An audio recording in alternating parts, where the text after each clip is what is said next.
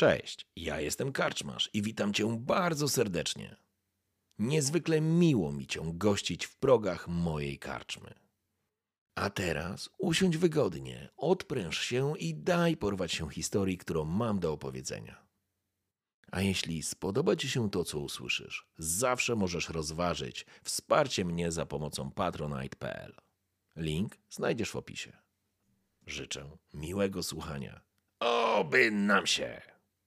Przejdźcie sobie na stream, żebyście wiedzieli, gdzie w ogóle jesteście. Domen Omen jest to mapa naszego kartografa e, z kartografii niepraktycznej, więc jest to oczywiście ta piękna mapa Imperium, którą e, nasz kartograf napisał. A nasi gracze, to jest ten znacznik tutaj, o jak go zamrugam wam. Nasi gracze są w drodze i wy, bohaterowie, nasi bohaterowie są w drodze. Tak naprawdę w tym momencie jesteście na pograniczu pomiędzy Ostlandem a Kislewem, czyli celem waszej podróży. A realnie mm, celem waszej podróży jest e, Tirsa o nazwie Krutaja i ona jest e, mm, jeszcze kawałek drogi od was, krótko mówiąc. E, a to jest nasz znacznik. Tu jest Bloomer, miejscowość Bloomer, w której zaczynamy grę. Jak już wszyscy wszystko wiedzą, to wracamy tutaj. W porządku.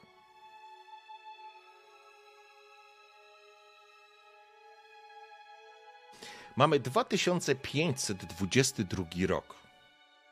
Wczesną jesień. Każdy z Was z jakiegoś powodu wraca do swojego ojczystego kraju. No, może poza krasnoludem, który ma zgoła zupełnie inny powód podróży na północ. Gloimben złamany topór, Gloimben złamany honor.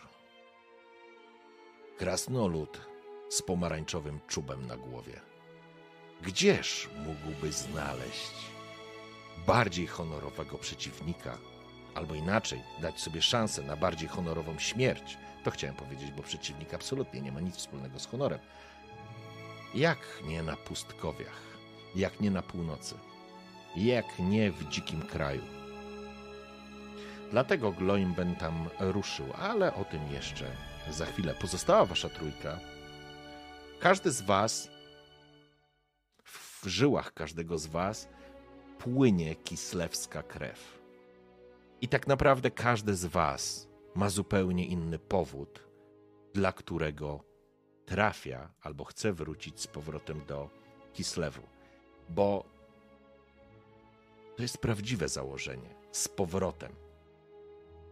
Anna Lucen z tym jakże nie kislewskim nazwiskiem.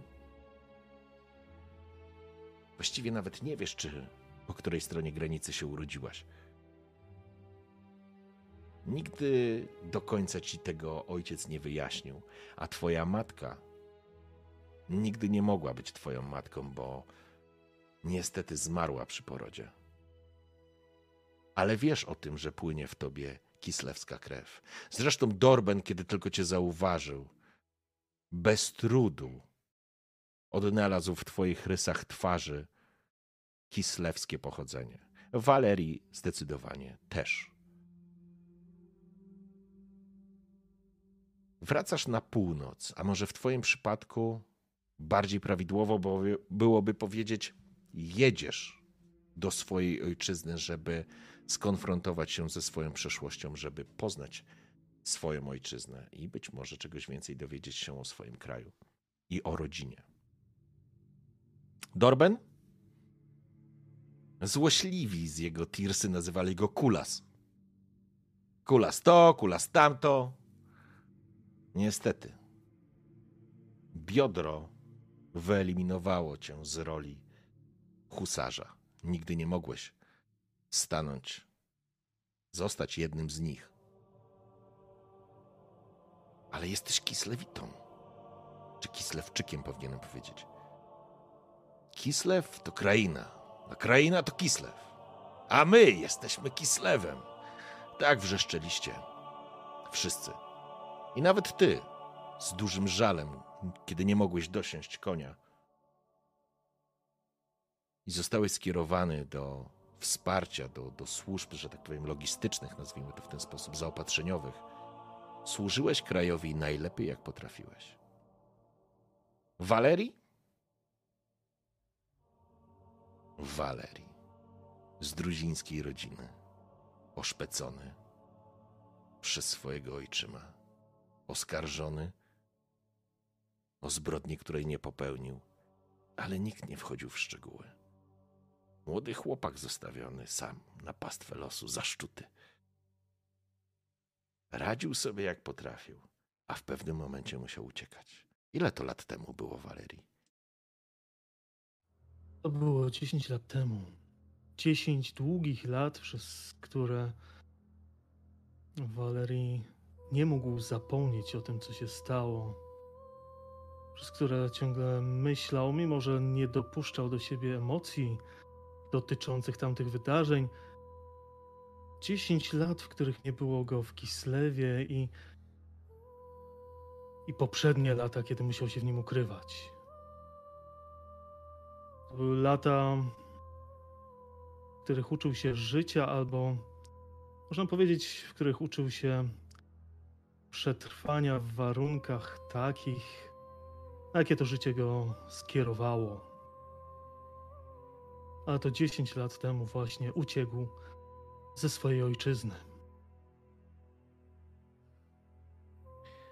I teraz miętoląc list, który dostałeś od swojego starego znajomego, przyjaciela, tego samego, który pomógł ci uciec, który skojarzył cię tak naprawdę z Dorbenem i ten wywiózł cię z kraju, ten sam człowiek wysłał do ciebie list który spowodował, że uznałeś, że czas wracać, że może to jest dobry czas. Za chwileczkę sobie odczytamy ten list, nawet jeżeli go nie czytałeś graczom, tak żeby kontekst był dla, mm, dla widzów. Wszyscy razem podróżowaliście przez północną część Ostlandu, tylko ta część nie została zrujnowana i zniszczona przez burzę chaosu, przez wielkiego archaona. Przez to wszystko, co się działo przez ostatnie dwa lata. Kraj, do którego wracacie, to jest wasza ojczyzna, coś, co chcecie poznać, albo coś, do czego chcecie wrócić, albo miejsce, w którym chcecie znaleźć chwalebną śmierć. I chyba to ostatnie jest najbliższe prawdy. Chyba będzie najłatwiej znaleźć godnego przeciwnika i paść u jego stóp Gloinbane.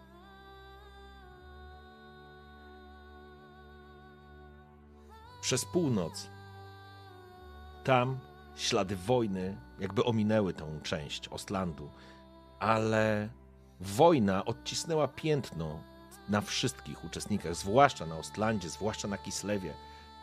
Ostland, który najbardziej przyjął największe, że tak powiem, baty ze strony Archaona i Chaosu, i Kislew, strana zachodnia. Erengard, który praktycznie ledwo przetrwał. A wy wracacie. I to był dziwny czas. Dla ciebie, Anno? Ile Anna ma lat? Mm, około 19-20, coś tego. Okej. Okay. To był trudny okres dla ciebie. Przez 20 lat wychowywana tylko przez ojca w jednej z ostlandzkich wiosek, gdzieś w południowej części. Przyuczana do fachu. Mądra kobieta, uczona kobieta. Oj, nie podobało się to ludziom. Nie mogło się podobać. To wiedźma! Przez nią mleko kwaśnieje. I słyszałem, że babom pomaga spędzać niechcane ciąże. Kiedy twój ojciec zginął, zginął, zmarł. Chciałaś czynić dobro, tak jak cię nauczył. Chciałaś pomagać tym ludziom. Bo przecież taka była twoja rola i chciałaś to kontynuować, dzieło ojca. Nie myślałaś o Kislewie, chociaż on od czasu do czasu coś o tym wspominał, ale musiał mieć jakieś powody, dla których nie chciał ci mówić. Pewne rzeczy gdzieś przesączył w trakcie twoich opowieści czy historii, kiedy siedzieliście razem przy kolacji, czy kiedy wertowałaś książki. Opowiadał ci o Kislewie, o tym, że warto, żebyś poznała język ojców. Że twoja matka była z Kislewu i on też był z Kislewu. I pomimo tego, że nazywasz się Anna Lucen, to mówili do ciebie Anuszka. A potem. A potem on zmarł. I miejscowy kapłan bardzo szybko znalazł powód, dla których miałby cię wytykać palcem. A może chciałaś komuś pomóc, ale choroba była na tyle zaawansowana, że nie miałaś takiej możliwości. Było po prostu za późno. To wystarczyło. To wystarczyło, żeby ktoś wskazał cię palcem i powiedział: Winna! Na Sigmara to wiedźma! Potem huczący płomień, krzyczący tłum. I nie wiadomo skąd pojawiający się pękaty krasnolud z pióropuszem na głowie. Jak to było, Gleimben? Miałem gorszy dzień, wychodziłem z knajpy. Wychodziłem. To duże słowo. Wyrzucali mnie. Tak, zazwyczaj się zdarzało. W pewnym momencie widziałem grupę ludzi, którzy szykanują jakąś biedną dziewczynę. Ich było dużo, dużo więcej niż pięciu, sześciu. Nie myśląc, wziąłem topór, który dostałem od swojego dziada. Jeszcze za młodo, jeszcze za dziecka. Krótko przed jego śmiercią. I rzuciłem się na nich. Nie myśląc o niczym, myśląc tylko o śmierci. Myśląc tylko o tym, żeby zmazać swoje winy.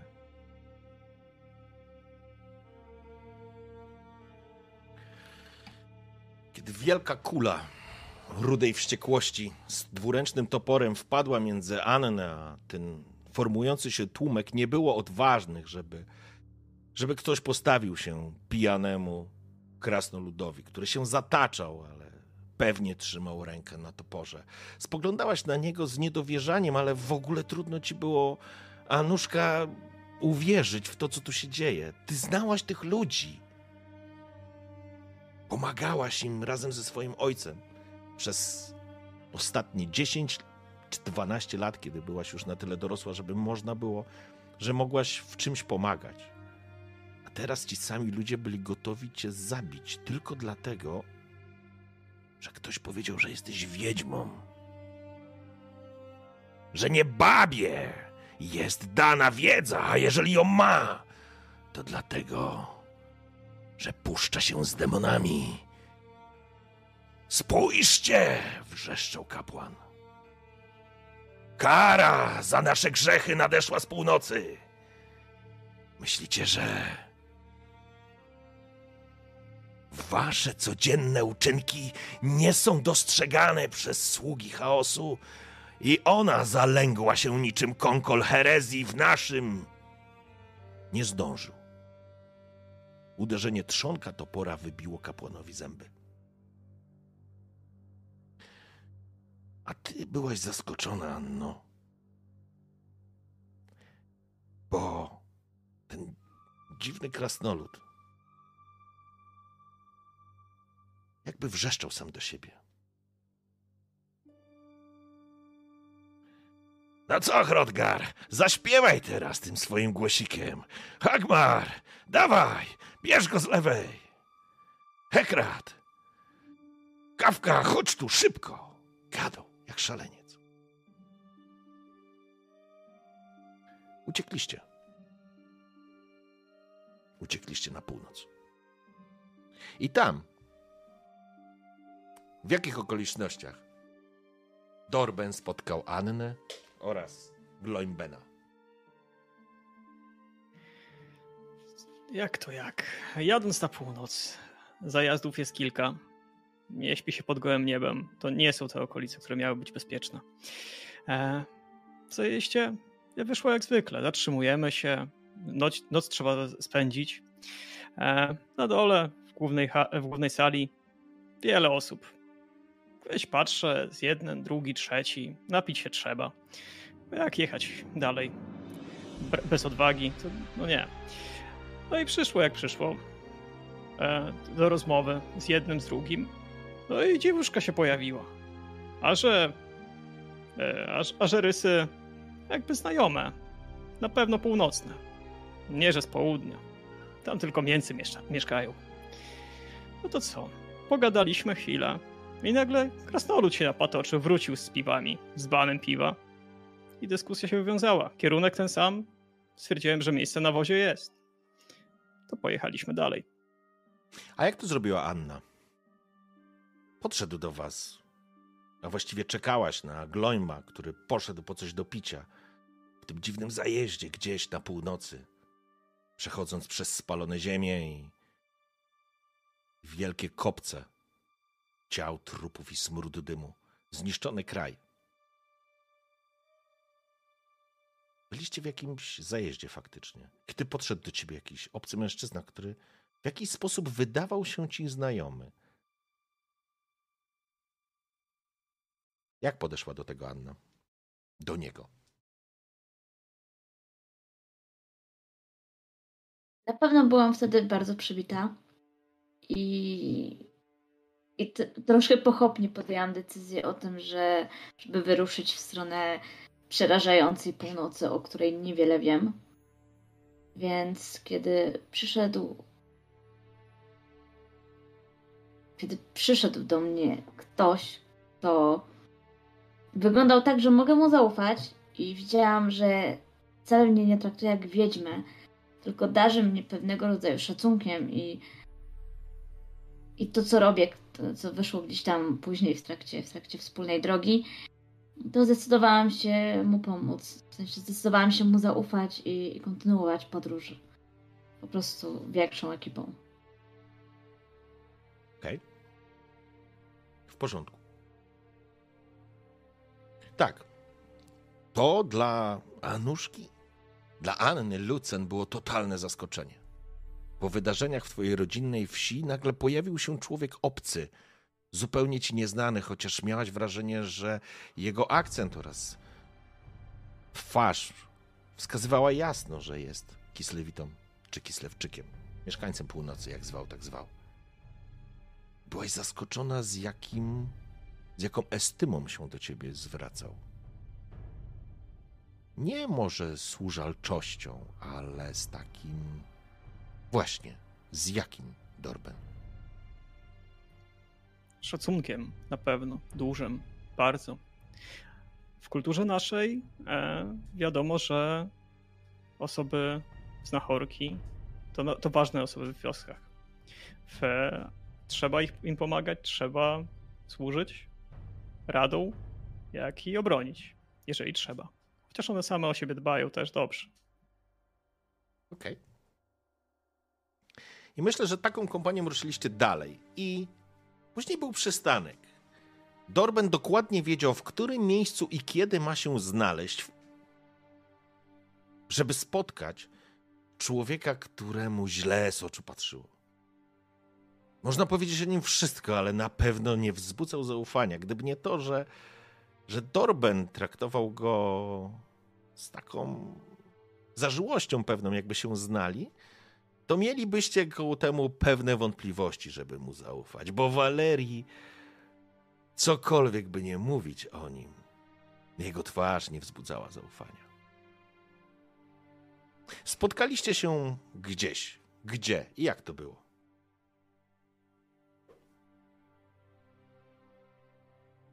Spotkaliśmy się z tego pewnego zajazdu. To był pewien punkt, w którym od czasu do czasu Walerii przekazywał Dorbenowi pewne informacje i niekiedy Dorben przekazywał je w drugą stronę. Byliśmy umówieni, dokładnie wiedzieliśmy, kiedy mamy tam być. Ani dzień wcześniej, ani dzień później. Jeżeli tak by było, znaczyłoby, że coś jest nie tak. Niemniej jednak wszystko wskazy- wskazywało, że tego dnia wszystko idzie zgodnie z, z planem.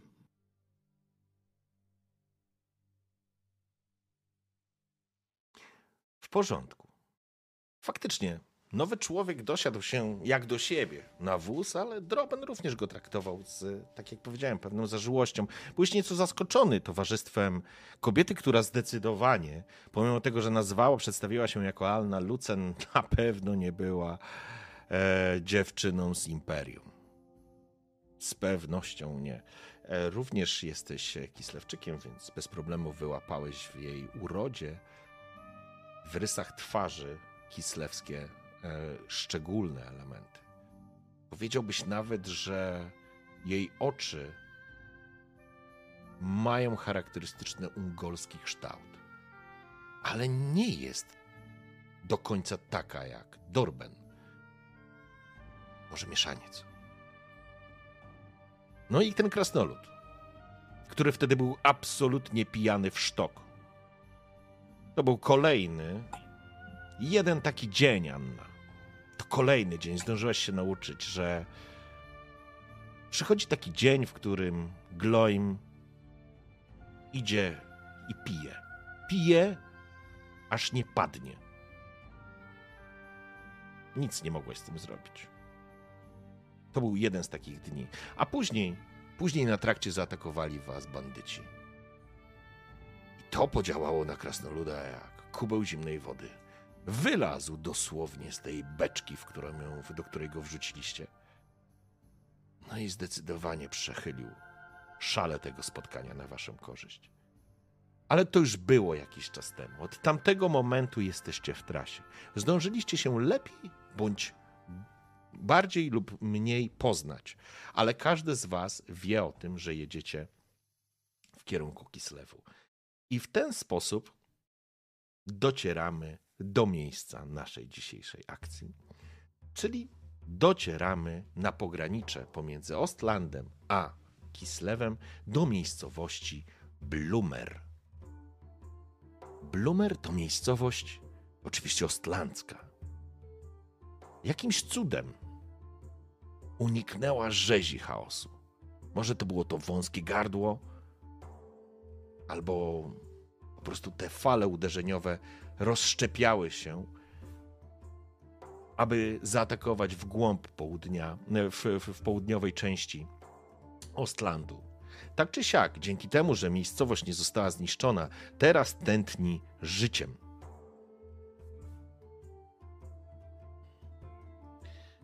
Znajduje się tutaj całkiem spory targ z zawyżonymi całkowicie cenami. Jesteśmy po wojnie, to wszystko się odbudowuje, ale trudno powiedzieć, żeby się odbudowywało. Jest cała masa maruderów, uciekinierów, bestii, em, całego tałatajstwa, że tak powiem, i, jakby dezerterów z armii Archaona, ale nie tylko. Trudno nazwać, żebyśmy żyli w bezpiecznych czasach. Ale Bloomer było dla was absolutnie miejscem, w którym mogliście odpocząć. I już was, że tak powiem, uwalniam z tego przydługiego wstępu, ale ważne, żebyście wiedzieli, jak do tego doszło. To, co góruje, że tak powiem, w Bloomer, to świątynia Sigmara, na którą myślę, że Anna spoglądasz z pewną obawą. Niemniej jednak zaczynam. Znajdujecie się wszyscy, a jakże, w karczmie, która nazywa się Do Ostatniej Kropli. Oczywiście, gdybym powiedział, że wszyscy, to bym skłamał. Brakuje Gloimbena. Anna, czy Anuszka, czy Anna, jak chcesz, jak, jak, jak mam do ciebie mówić? Bo na pewno w Kislewie będę mówił do ciebie Anuszka, a teraz? E, Niech zostanie Anna. Dobrze. Anna siedzi przy stole, uderzasz nerwowo palcami w blat, bo to jeden z tych cholernych dni. Gloimben wczoraj w nocy poszedł w cuk. Im dalej, im bardziej oddalaliście się i zbliżaliście się do granicy z Kislewem, tym Gloim starał, stawał się coraz bardziej ponury. Czułaś i potrafisz już po, nie wiem, może podróżujecie ze sobą z miesiąc, przyjmijmy, może dwa, mm, czy może pół roku, ale myślę, że nie więcej. Zdążyłeś się nauczyć tych jego krasnoludzkich zachowań, tego jego burkliwego tonu, tego jego, tych jego much w nosie. Ba! Stałaś się jego powierniczką. On cię wybrał. Za ostatnie pieniądze, które wyciągał z cholewy buta, zapłacił tatuażyście, który stworzył ci tatuaż. Gdzie ten tatuaż jest? Na ramieniu? Tak, na lewym ramieniu. Okej. Na lewym ramieniu, który jakby jasno i wyraźnie nadawał ci status powierniczki zabójcy troli. Tej, która ma dopry, dopilnować, aby informacja o chwalebnej śmierci Gloimbena złamanego topora trafiła do jego rodziny, do jego rodzinnej twierdzy, żeby mógł zmazać swoją plamę na honorze. W związku z czym zdecydowanie poznałaś już jego fochy. I wczoraj to był dokładnie ten dzień. Ale powinien już wrócić. I nie wrócił. Siedzicie i przyglądacie się. Myślę, że już też mieliście okazję widzieć zachowanie czasami krasnoluda. No, wtedy było przynajmniej raz w tej beczce, a później myślę, że jeszcze z raz była też taka okazja. Siedzicie przy stole, karczmasz e, podał wam jakąś jajecznicę z tłustymi kawałkami słoniny. Rarytas. Zapłaciliście za to jak za zboże. E, proszę, proszę. E, a może e, piwa? A mam też wódkę kislewską. Patrzy na was dwóch. Piwa, Kwasu. piwa, kaczmarzu. Spasiba. Piwa. E, rzecz jasna. Woła i za chwileczkę po, e, przy... Za chwilę wam przynosi. Siedzicie w trójkę. Oczywiście jest ranek. Jest dopiero ranek. Myślę, że mm, wczesny, wczesny. Myślę, że gdzieś koło godziny, przyjmijmy tam siódmej rano. Wy już jesteście gotowi tak naprawdę do drogi. Ale nie ma krasnoluda. Jechać mieliśmy. Prawie. Tak, wiem, że mieliśmy jechać, ale spróbujmy znaleźć krasnoluda. Bo na pewno wam wspomniałam, że jestem jego powierniczką. Więc znajdźmy go, ja go zabiję i pojedziemy powiedzieć w jego stwierdzy rodzinnej, że zmarł. Co wy na to? Honorową śmierć. Ciężko, Jasne. ciężko krasnoludzkie truchło targać na wóz. Tak, ale my nie musimy go targać. Wystarczy, że ja to o tym opowiem. No ale co? Sprawdźmy beczki najsampierw. Ale co? wi- Wioskę poczuł i myśli, że już może ogólnie latać od, od wsi do wsi, tak? Od drzwi do drzwi. Nie wiem, Ach. ale nie podoba mi się, jak wprowadza się w taki stan. Wiecie o tym, To- to- że takie tylko informacyjnie, bo w tym Bloomer załóżmy jesteście dzień. Mm, Tutaj też macie możliwość jakby zakupów, zrobienia zakupów. Te ceny będą droższe, ale to jest też moment, w którym możecie coś sobie, że tak powiem, kupić na ryneczku, na targu. E, natomiast są tutaj generalnie dwie karczmy. Jedna, ta, w której wy jesteście, czyli do ostatniej kropli. Natomiast jest i druga karczma, która się nazywa Za dawnych żołnierzy. To jest najsłynniejszy ostlandzki toast generalnie. I jest to totalna mordownia. Więc jeżeli Gloimben gdzieś miał pójść, żeby się napić i po mordzie na, ponakładać, to z pewnością byłoby tamto miejsce. Generalnie Ostland jest niezwykle ciekawym miejscem i nieraz, y, kiedy wam zaproponowano wczorajszego dnia zupę gotowaną na kamieniach, nie wiedzieliście, czy to żart, czy to prawda. Rzecz jasna, to żart i to dosyć słaby, ale w Imperium mówią, że Ostlandczycy nie gotują zupy na kamieniach, tylko na jednym, żeby reszty nie zmarnować. Niemniej jednak pytanie, co będziecie chcieli zrobić. Jak ruszać mamy, to musimy iść i tam. Zobaczyć, czy go tam nie ma, czy go nie. Jak go zabili, to przynajmniej spokój będzie. Znajdziemy go pewnie w rynsztoku gdzieś pod wejściem do tej parszywej mordowny. Ale Na pewno go nie mo-. Na pewno nie możemy go zostawić. W porządku. Ale to dojedzmy, dopijmy. Wtedy się tam udać możemy. W porządku. Zaczynacie sobie kończyć śniadanie. I to jest moment, kiedy Gloimben zaczynasz wracać. Świadomość ci zaczyna wracać. Twoja głowa jest niezwykle ciężka. Leżysz gdzieś. Jest śmierdzi, tu jest mokro, zimno, wilgotno. Podnosisz oko, masz wrażenie, że jest podbite. Masz rozcięte wargi i smak krwi w ustach. Twoje łapy zaciśnięte są na jakimś błocie, a może z boku trąca cię potężnym czarnym ryjem wielki knur. Spoglądasz. Nad tobą góruje wielka świnia. Jesteś w jakiejś zagrodzie, to znaczy w jakimś po prostu chlewie. Zaczynasz. Próbujesz sobie przypomnieć, co się wydarzyło, ale nie pamiętasz wczorajszej nocy. Poza tym, że to był jeden z tych dni. Dobrze się bawiłeś, to znaczy wypiłeś morze wódki. Chyba się z kimś poszarpałeś. Jak to zawsze bywa. Słońce bardzo nisko na niebie, z pomiędzy chmur, rzuca na ciebie pierwsze promienie. Czujesz, że masz straszliwego kaca, ale z tym sobie poradzisz. Jakieś zadrapania i śliniaki nie stanowią dla ciebie problemu. Tylko ten knur się tak na ciebie dziwnie przygląda. I na chuj się patrzysz, kabanie jeden. Jakby zrozumiał, jakby zrozumiał, kwiknął i odszedł. Ale kawał knura faktycznie i zajmujesz mu całkiem sporo jego wybiegu. Kurwa. Próbuję się podnieść. Łapiąc się jeszcze może tego odchodzącego knura za zad. Chodź tu, przydaj się na coś, prosiaku. Jeden. Kładziesz swoją łapę na zadzie, ale świnia natychmiast spina się i odskakuje, także tracisz równowagę, znowu wpadasz w to łajno. i- Idź ty gnoju i tak z ciebie bekon zrobię. Gdzie ja jestem?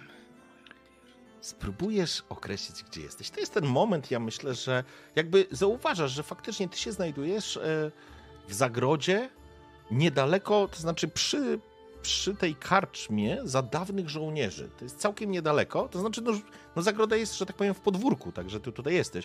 I przyjmijmy, słuchajcie, że to jest mniej więcej moment, w którym wasza trójka go po prostu ruszyła szukać. Pierwszym elementem, gdzie można byłoby szukać krasnoluda w czasie takich dni, to jest najbliższe miejsce, w którym można się nachlać, najlepiej za nieduże pieniądze.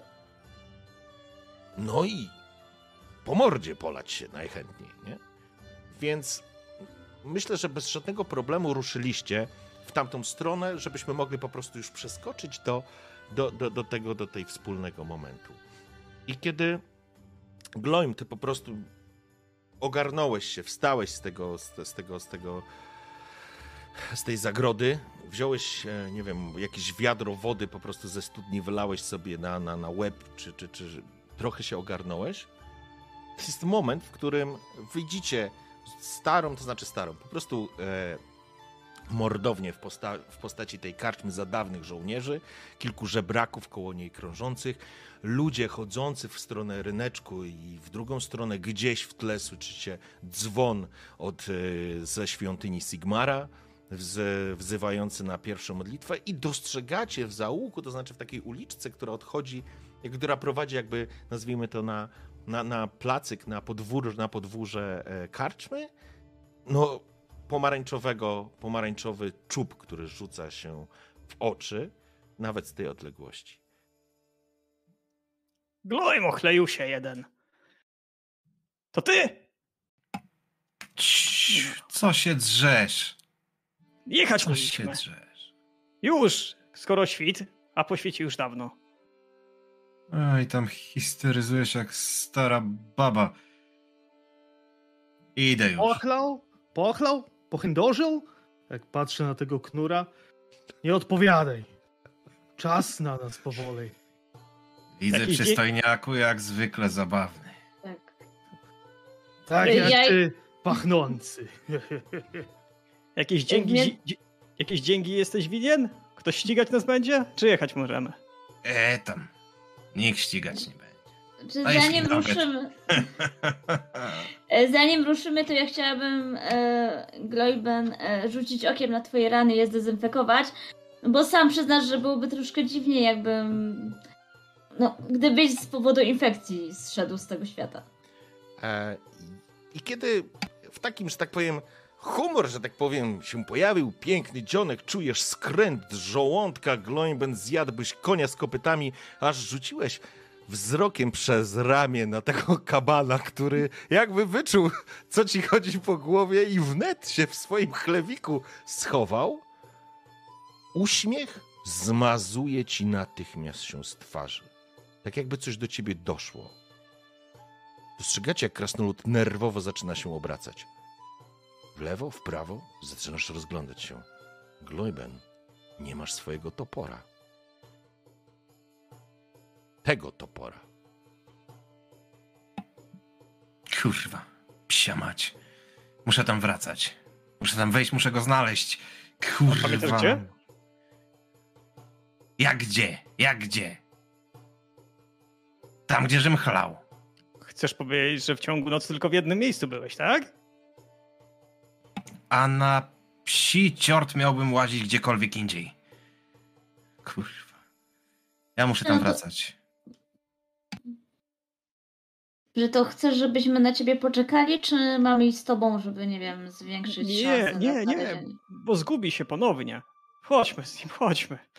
Jedna rzecz. Chciałbym, żebyś, e, Torgal, odpisujesz sobie połowę swoich złotych koron.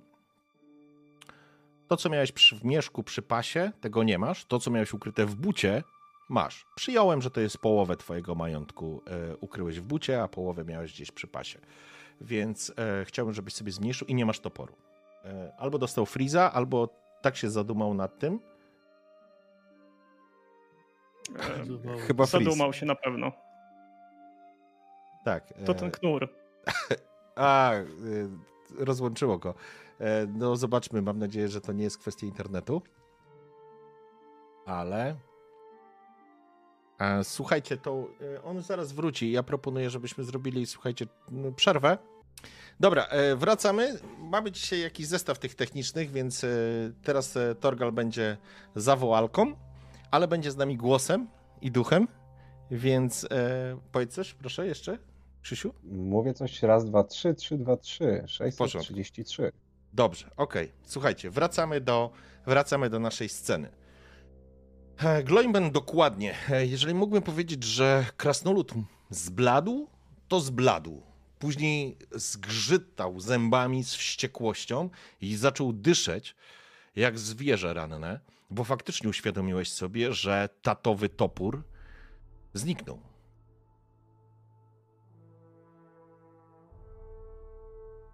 Sakiewka, O, ale sakiewka to, to najmniejszy problem. Zaraza.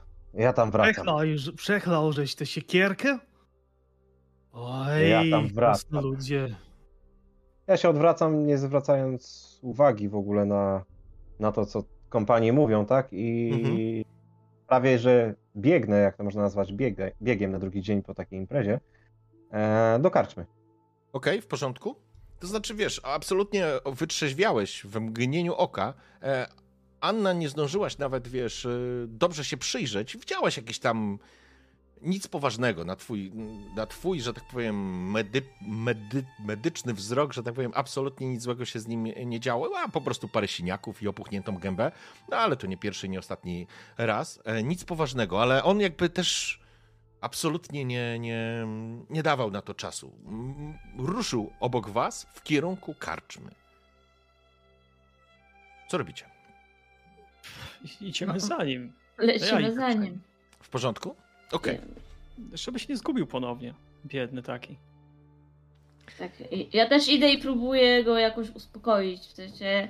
Gr- Groinband, proszę cię, uspokój się, znajdziemy ten topór, jesteśmy w czwórkę.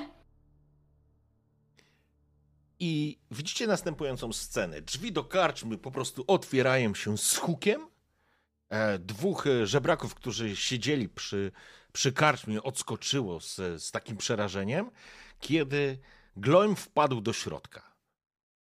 E, Gloim, wpadasz do środka, za tobą twoi towarzysze. Widać, że karczma no, o tej porze jest, że tak powiem, opustoszała. Widać parę osób gdzieś śpiących, pewnie zapłaciwszy sobie za wspólną izbę, ale nic tutaj y, specjalnego nie widzisz poza karczmarzem, który przeciera blat i kiedy cię widzi, otwiera oczy. Czegoż tu chcesz? Poszedł won! Zobacz, co żeście tutaj wyprawiali! Pokazuje ci palcem. Oczywiście mało cię to nawet interesuje w tym momencie, ale faktycznie widzisz rozwalone jakieś ławy i stoły. Sobie przypominasz, że ten ból w boku to może róg tej ławy był właśnie. Wynoś się zanim Zamknij. straż zawołam! Zamknij gębę, psi synu, ja biorę tylko swój topór i spadam stąd. Jaki topór? Kto za to zapłaci? Wy Już nie jesteście- narzekaj, że tak słabo przędziesz. Gdzie jest kurwa mój topór? Jaki znowu topór? Wy jesteście już za nim, widzicie krasnoluda w środku wściekłego. Ludzie, którzy tam spali się obudzili, patrzą po prostu z... y, No, hałasy muszą ich y, wyrwać, że tak powiem, ze snu. Karczmasz, mężczyzna w sile wieku, ale no to karczmasz, nie żaden wuj, więc patrzy na niego lekko przerażony. Ja zaraz po straż zawołam!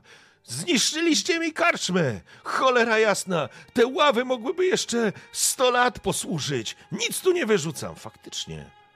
Ostlandczycy nie wyrzucają, oni zawsze zbierają. Na pewno się przyda. To ja wbiegam szybko między krasnoluda a karczmarza, tak, i ich próbuję rozdzielić i, i Nie, mówię... nie, kras... karczmasz jest za szyngblatem, to krasnolud, wiesz. Tak, tak, ale w sensie między No, okej. Szymlata a, a krasnoluda, tak jakby, żeby, żeby Mhm. stanąć między nimi i, i mówię, Gloinben, uspokój się, wszystko ogarniemy. Odwracam się do karczmarza e, i mówię, e, proszę pana, za wszystko zapłacimy, spokojnie, tylko chcielibyśmy się zapytać, czy ten krasnolud pił u pana w nocy i jeżeli tak, to czy pan może się e, orientuje, co się stało z jego toporem? Patrzy się na ciebie takimi oczami, wiesz, szeroko otwartymi, e, ale jakby zmienia, y, jakby przeskakuje na ciebie i trochę się zmienia jego głos. Pił? Pił? On szłapał jak wieprz! On sz... i zachowywał się jak wieprz!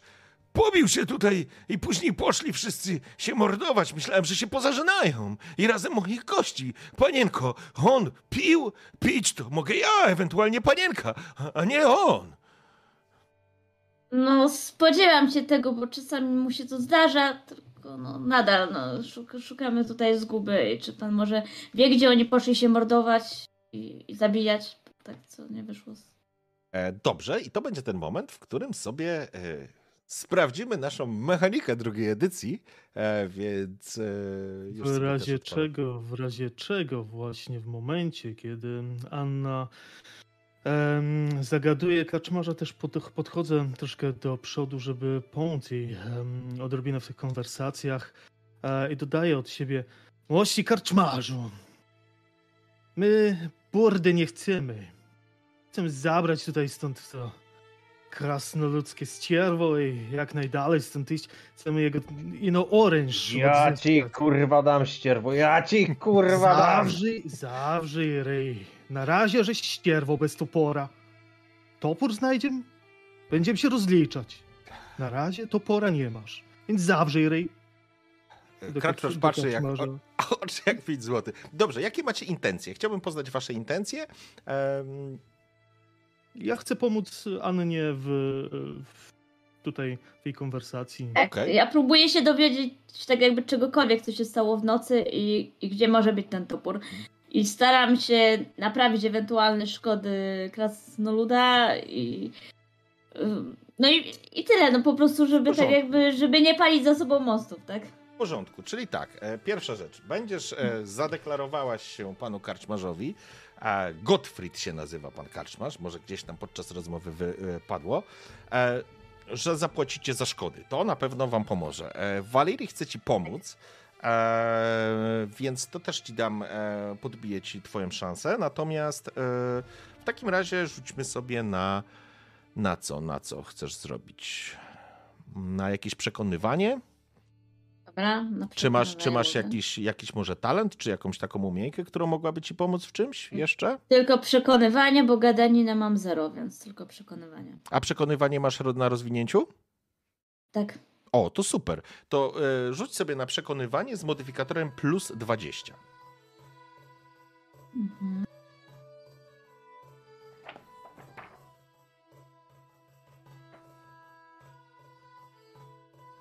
Co robi Dorben w tym czasie?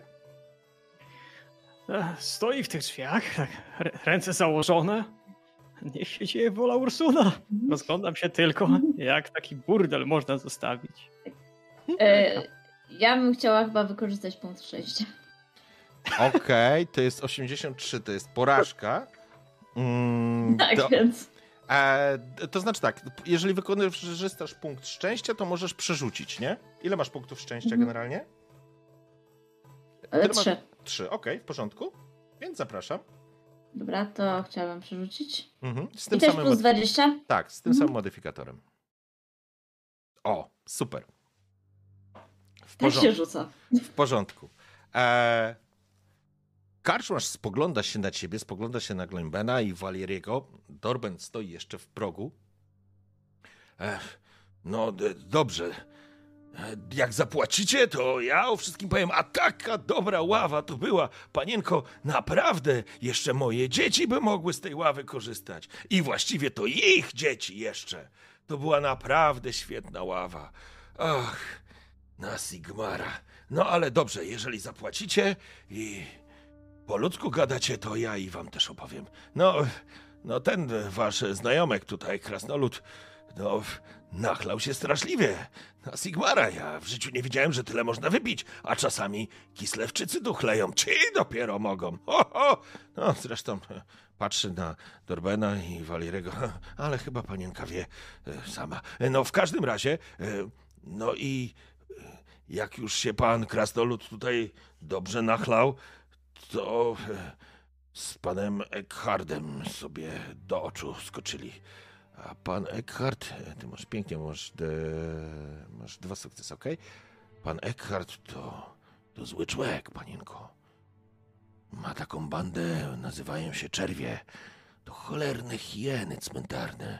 Oskubują tu z grobów wszystko, co można, że po ostatniej wojnie wiele trupów, zagajniki, to i można znaleźć. Niebezpieczne to miejsce, ale typy jeszcze bardziej niebezpieczne. No i on właśnie z tym panem Eckhardem i jego dwoma kompanami poszli się szarpać, a zaczęli najpierw tutaj. I taką ławę mi zniszczyli. Szlak by trafił. Ona mogłaby jeszcze posłużyć, ale pod wzrokiem Gleinbelina się zamyka. No, w, ka- w każdym razie, każdym razie wyleźli stamtąd i tam zaczęli się po mordzie okładać. Ja już nie patrzyłem, bo taką ławę mi panienko zniszczyli. Taką ławę. I później już nie wrócił ani pan Eckhart, ani tym bardziej pan Krasnolud. Ale wychyla się tak za, za stoł, za, za tego blatu w kierunku Glojma. Ale y, topora nie widziałem, panie Krasnoludzie. Było co było. Chłop napije się, głupoty mu we łbie się lękną. Ach, ale bez topora. Tu nikt z toporem pańskim nie wrócił, panie Gloimben. Ech, ale widać panienka taka zaradna, to może powiem, że czerwie to złe ludzie są. Kurwie straszne te czerwie. I to źli ludzie i oni tutaj z miejscowym guślarzem trzymają sztamę. Lekar na niego zwą. Ten też menda straszna. A gdzie znajdziemy tego pana karta? E, tego nie wiem. Może już wyszli z miasta znowu na jakąś robotę. Mhm. Ale jeżeli ktoś będzie wiedział, to owy guślarz, o którym mówiłem. On często pomaga ludkom, ale mm, nie ma najlepszej reputacji. Dobrze, Ale to... to- przyjdziemy się chyba do niego. Zjebał Tak. mości Ja, karczmarzu. ja a- tak podchodzę. E, Ale powiedziałeś, że nikt nie wrócił. Ale nie wrócił, czy też od początku nie miał?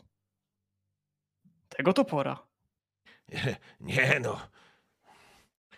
My cenimy sobie każde dobro i potrafimy jako prawowici mieszkańcy docenić. A widziałem, że pan Krasnolud miał sikierę i to nie od parady. Ładna. Błyszczało się tam złote zdobienia i niech mnie Sigmar tutaj położy natychmiast rachciach piorunem, jeżeli tam jakiegoś szlachetnego kamyczka nie było osadzonego w stylisku. Zwrócało, No. Zwracało to uwagę, kiwa głową w kierunku krasnoluda. Siekierę, No siekierę. Kurwa, sam siekierą robiony byłeś. Spasiba, mości kaczmarzu. Kolko za... za te lawy. E, a już ci, a już ci, panocku. E, to nie są tanie rzeczy. E, to nie są tanie rzeczy. To mogłyby te ławy jeszcze moim wnukom posłużyć. Moim wnukom, ale e, za, zaraz, się, zaraz się policzym. E, chcecie z nim potargować się? Czy przyjmujecie jego wycenę? Bo on na pewno. Ile? Jeśli już, to mógłbym się potargować. Mm. Okej. Chyba, że. mm, Chyba, że Anna. em, chyba, że wiem z doświadczenia, że Anna jest tym lepsza. Y, Znaczy, no ja mam targowanie na poziomie 32, więc jak macie więcej, to możecie wy, a jak macie mniej, ja to ja. handlu nie jestem aż taki dobry, więc myślę, że. ja, mogę, ja tu się odezwę, jeżeli chodzi o targowanie. Okej. To... Takich lat to ja w drodze widziałem wiele. Panie, co A gdzie- posłużyć miało? A, a gdzie pan widział, pa- panie? Panie A woźnica, na gdzie? południe. Na południe. A na południe i na północ. Jedną i w drugą. Wiele takich było. A ta, to widać, że się kolebała, krzywe nogi miała. Jak się, kol, jak się kolebała. Cholera jasna, jak się kolebała. Najlepsza ława w tej części. Panie, kochany, ona by mogła jeszcze moim wnukom posłużyć. Nie, no to w ogóle nie będziemy gadać. E, Ja tutaj mówię, e, e, koszty drogie, nie ma jak naprawić, wojna była, towaru nie ma, wiecie jak jest, 12 złotych koron. Gdzie 12? 6 to max. Sześć, sześć. No dobra, to rzucę na targowanie.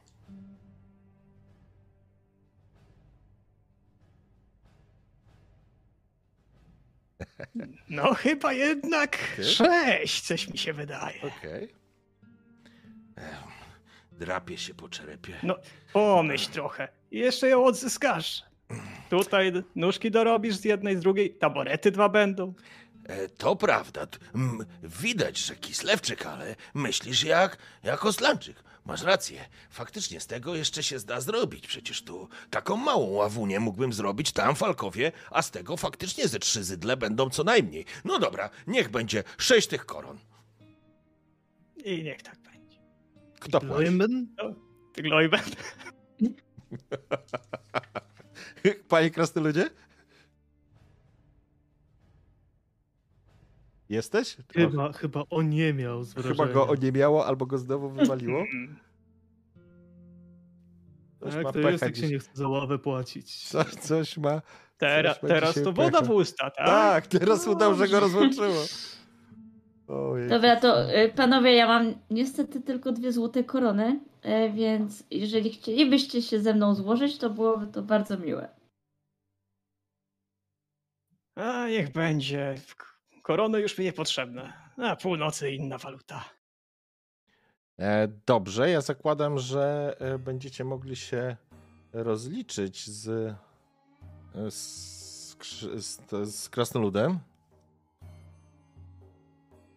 Oby. Oby.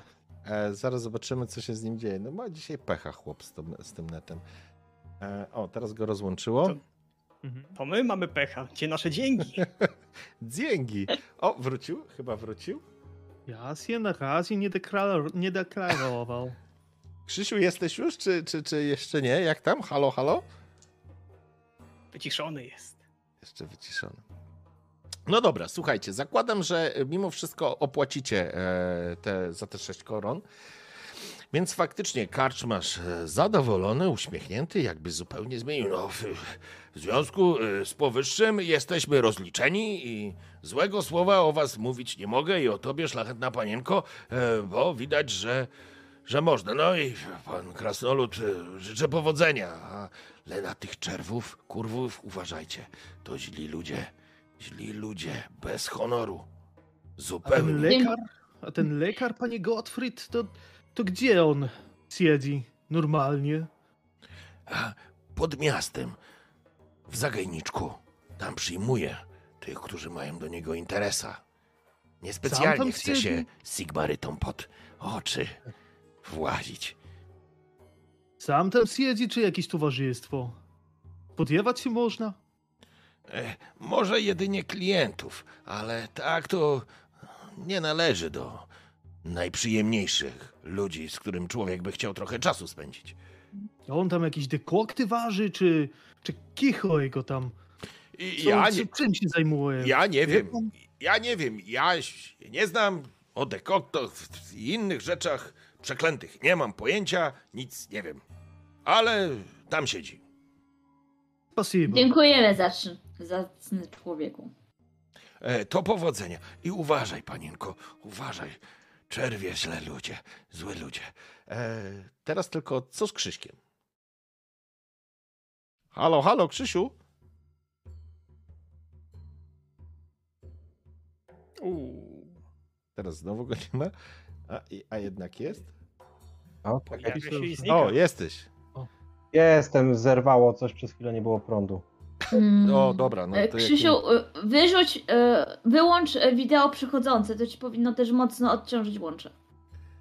Tylko... Znaczy nie, wiesz co, u mnie był problem, bo prąd odcięło i router mi po prostu A, się resetował. dobra. A, okej. W porządku. E, to tak, żeby tylko ciebie nadgonić, jakby jest, e, jesteście po rozmowie z Gottfriedem, wszystko się dobrze skończyło. E, Dorben wynegocjował z 12 koron na 6 spłatę zniszczeń, więc e, czy ty płacisz za to? No, Bo tutaj Słuchaj, gracz, to, towarzysze się złożyli, że tak powiem, e, w, pierwotnie, ale za, dlatego, że byłeś zafrizowany, więc zakładam, że nie, zepsułem, ale podchodzę do karczmarza. Cztery. To kurwa się ciesz za te pomyje, co mi dałeś do picia. I próbuję go, wiesz. Nie, słowo się rzekło. Z tym tutaj panem z Kislewu się dogadali. I tu panienka też powiedziała, panie krasnoludzie, E, e, no nie żartujmy To, sobie. e, nie, nie, to ja podchodzę, mówię, Groenben, uspokój się, uspokój się i dorzucam te dwie korony tak jakby ze swojej kieszeni. A widać panience dobrze z oczu patrzy, a z tymi nieludźmi to cholera wie, bierze złote korony, przygryza. No, zacnie. Zatem e, niech Sigmar was prowadzi i, i już z- muszę tutaj sprzątać, zająć się swoją robotą. Jak tylko wychodzimy z tej karczmy, tak patrzę na Annę, kiwam głową i tak podaję jej rękę z dwoma koronami. Mhm. Dziękuję. Okej, w porządku. E, wyczyście sobie tam sakieweczki z tych sześciu koron. E, I teraz, moi, moi drodzy, mm, Gloimben, tobie skurcz żołądka, e, kiszki marsza grają, ale myślę, że dla ciebie nie jest to teraz najważniejsze. Mimo wszystko, zawsze możecie przez targ przejść i kupić sobie coś do jedzenia, tak, żeby jakiegoś precla zjeść albo, albo coś, co tutaj dają. Ale fakt, że nie masz topora jest na pewno dla, dla, dla krasnoluda najważniejszym teraz elementem. Co robicie, kochani? Znaczy, no ja ogólnie się upieram, żeby przejść faktycznie się przez targ i kupić coś do jedzenia, bo my co prawda jesteśmy po śniadaniu, no ale wiem jak krasnolud na kacu może się czuć i żeby, żeby coś tam nawet mu tego precelka załatwić. Pierniczyć to żarcie. Idziemy do tego guślarza. No ja bym Ja może jakiś, może jakiś mieczyk sobie na razie kup. Bez, bez oręża jesteś. Nie, ma A jakiś. w razie Mam, komu- mam jeszcze Masz. to, topór. Ma taki toporek, Dobrze, nie? Przy pasie. dobrze, dobrze.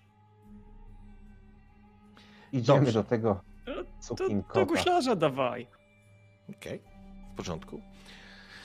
Przechodzicie więc e, między tymi uliczkami. Mm, samo, samo miasteczko nie jest specjalnie duże, ale sam fakt, że ostało się po fali chaosu i po burzy chaosu, a tak jak powiedziałem, jest dla niego istotna, jest to istotna przewaga dla Bloomer, więc jest tu całkiem sporo ludzi, którzy teraz faktycznie na ten targ i ryneczek idą. Gdzieś tam w tle słyszycie jakiegoś Sigmarytę. To za wasze grzechy! To za wasze wszeteczeństwo i brak wiary! I tak sobie tam gada, ale wianek ludzi oczywiście jest ktoś. Panie, rzuć pan pensa, rzuć pan pensa weteranowi. Widać ktoś bez nogi na jakimś wózku. Ale również ludzie, którzy pchają jakieś wózki, faktycznie w powietrzu unosi się zapach lokalnego jadła.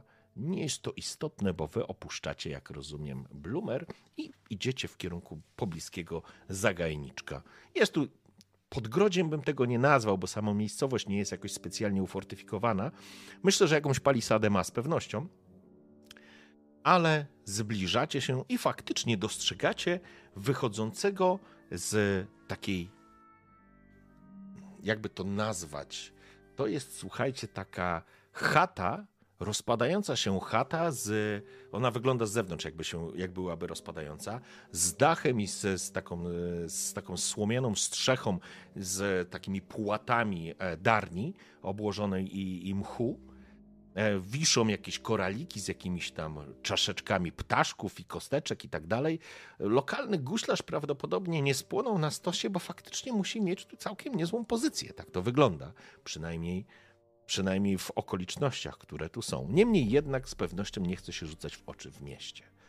E, z tej chatki wychodzi jakaś kobieta, nakłada sobie kaptur, rzuciła tylko okiem na was, po czym po prostu przemknęła.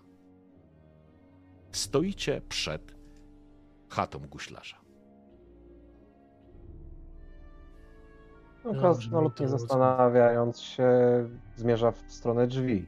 Mhm dziarskim krokiem. No to ja tak idę za krasnoludem i staram się tak trzymać rękę na pulsie, w sensie, żeby w razie czego uspokajać sytuację. Okej. Okay. Dorben i Valerii? No, Valerii stara się jednak naprzód nie wychylać. Raczej obserwuje sytuację z rozbawieniem, ewentualnie zobaczy, co tu się kryje. Chcę raczej rzucić okiem na obejście, ewentualnie na, jeżeli już wejdą do środka, wnętrze chaty, ewentualnie przysłuchać się rozmowie i może wkroczy w którymś momencie, ale raczej trzyma się na chwilę obecną, na chwilę obecną z boku. Dorben? I też, Dorben, nie czuję w żadnym wypadku, że musi się jak się zwyczaj udzielać. Jest argument siły, jest myśl przewodnia. E, to na zewnątrz posta- postać mogę przy drzwiach. Jak coś, to wejdę. Taka okay. potrzeba. W porządku. Czyli Gloim wchodzisz pierwszy i Anna wchodzi za tobą. Wchodzicie do środka natychmiast.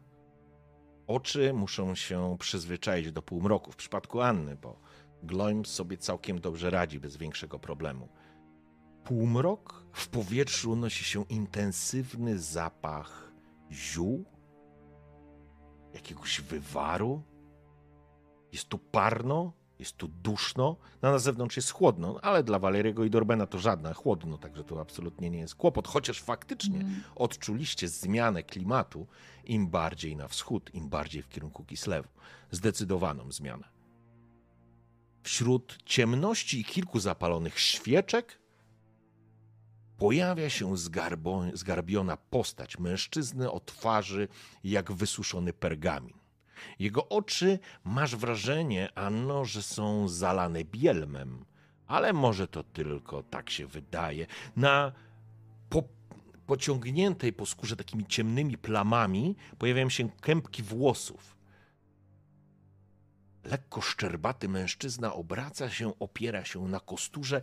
Widzisz, na szyi ma jakieś takie wisiorki z kości i jakichś takich czaszek, czy jakichś takich elementów. Czaszek oczywiście zwierzęcych, żeby nie było.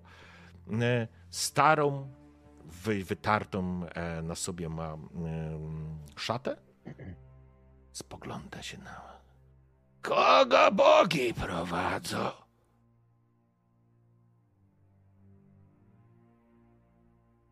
No tak. Wchodzę, wysuwam się naprzód. Gdzie są te sukinsyny? Gdzie oni są? I taki, wiesz, zdenerwowany. Po prostu mnie poniosły nerwy. Nie chcę się przedstawiać, nie chcę w ogóle... Mhm.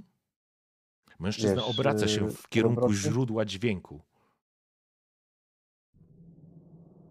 No to ja próbuję znowu, nie wiem, położyć rękę na ramieniu krasnoluda, troszeczkę go odsunąć i się wysuwam e, tak jakby, no, no może nie przed nim, ale tak na równi, może Mhm. krok z tyłu. E, ja mówię, e, witam szanownego pana, my tutaj e, z Chwila, takim zapytaniem. Kładziesz rękę krasnoludowi na ramieniu, W sensie, no żeby go tak uspokoić tak, jasne. troszeczkę. ale no. kładziesz mu tą rękę, e, krasnolud natychmiast rozumiesz już ten gest. Też już podróżujecie ze sobą jakiś czas i zdążyłeś paru rzeczy się również o Annie nauczyć. Ale Anna, chciałbym, żebyś sobie rzuciła test siły woli. Mhm. Czysty test siły woli. Sekundka. O, no, ale są mam mało siły woli. E, Bez modyfikatora. Bez? Mhm. No nie. Okej, w porządku. W pewnym momencie kładziesz i już chciałeś rozpocząć mówienie do guślarza, kiedy nagle zobaczyłeś, że wśród ciemności cienie, które rzuca zapalona świeczka, zaczynają nienaturalnie się poruszać. A czy One- ja poznaję te zioła, które e, czuć? Które można wyczuć? Czy to jest jakiś Mm. narkotyk albo coś takiego? Nie, myślę, ty nie masz zielarstwa umiejętności chyba, nie? Sprawdzam.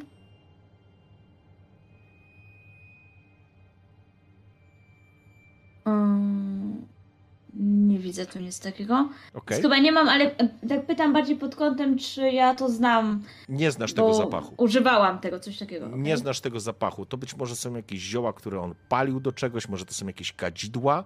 Nie zmienia to Mhm. jednak faktu, że to, co dostrzegasz, nigdy czegoś takiego nie widziałaś. Nie jest to Mhm. element twojego wyobrażenia. Spoglądasz, a te cienie jakby się Mhm. poruszały. Spoglądasz, a ptak ususzony, który stał na, na, na półce wciśnięty, masz wrażenie, że teraz się na ciebie patrzy. Spoglądasz, widzisz jakąś faerię barw, która miga wokół tego mężczyzny, który stoi oparty o kostur i on się tak patrzy tymi zalanymi bielmem oczyma w was. Dostrzegasz, jak wokół niego ta feria barw zmienia się w taki ciemny, fioletowy kolor i oga, jego zaczyna tak oplatać i spływać po nim. Masz wrażenie, że się pojawia u jego stóp taka fioletowa, fioletowa mgła, która zaczyna pełzać po ziemi. Pierwszy raz coś takiego widzisz. Nigdy czegoś takiego nie widziałaś. Czujesz dreszcz, który przechodzi całe twoje ciało. Bo mrużysz oczy, przecierasz te oczy. Nie wiesz, czy to jest. Dobrze, może pomyślałaś, że faktycznie próbuje wrzucić jakiś narkotyk, ale z tego co wiesz, za szybko to, by, to, to nie miałoby prawa to działać. E, Coś chcesz powiedzieć, czujesz, jak coś ci rośnie w gardle. Czujesz, jak spoglądasz w dół i masz wrażenie, że z twoich ust zamiast słów wypływa fioletowa mgła. Zaczynasz się krztusić. Chciałbym, żebyś sobie zapisała punkt obłędu. E, Gloim, zwróciłeś na to uwagę, natomiast dziadyga stoi. Słyszę dużo nerwów w głosie. Po cóż do starego guślarza przybyliście?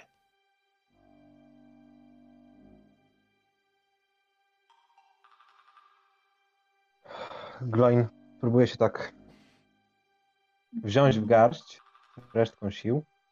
Widząc, tak, te, te cienie, tak? Też widziałem. Nie, ty nie widzisz, absolutnie. Nie, a. Widzisz tylko, że. Anna No położyła nie. ci rękę, chciała cię uspokoić, wiesz o tym?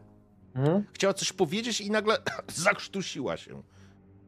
Widzisz po jej oczach, No to- że tak, to możesz widzieć po jej twarzy, że coś się z nią dzieje. Czując tą rękę, próbuję się wziąć chociaż troszeczkę w garść. Chodzi mi o twoich pomagierów. Tych psich synów, z którymi współpracujesz. Gdzie oni są? Słyszę głos krasnoluda. O kim mówisz, krasnoludzie? Jakich psich synów? E, Ja tak jeszcze chciałam, że w międzyczasie, e, w sensie jak ja się krztuszę, to w miarę możliwości staram się rozejrzeć, na przykład nie widzę tutaj tego topora, albo czegoś, co- mi się wyda niebezpieczne, coś tego typu. Myślę, że w tym momencie Anna jest przerażona. To jest ten moment przerażenia, w którym z Okej. czymś się spotykasz dziwnym, czego, czego, czego nie rozumiesz. I to jest, ja bym powiedział, że nawet e, ty wcale nie masz ochoty tutaj być. Potrzebujesz złapać świeżego powietrza. Okej. Dobra, no to Dobra. ja siłą, tak jakby siłą rzeczy po prostu próbuję wyjść ze sklepu.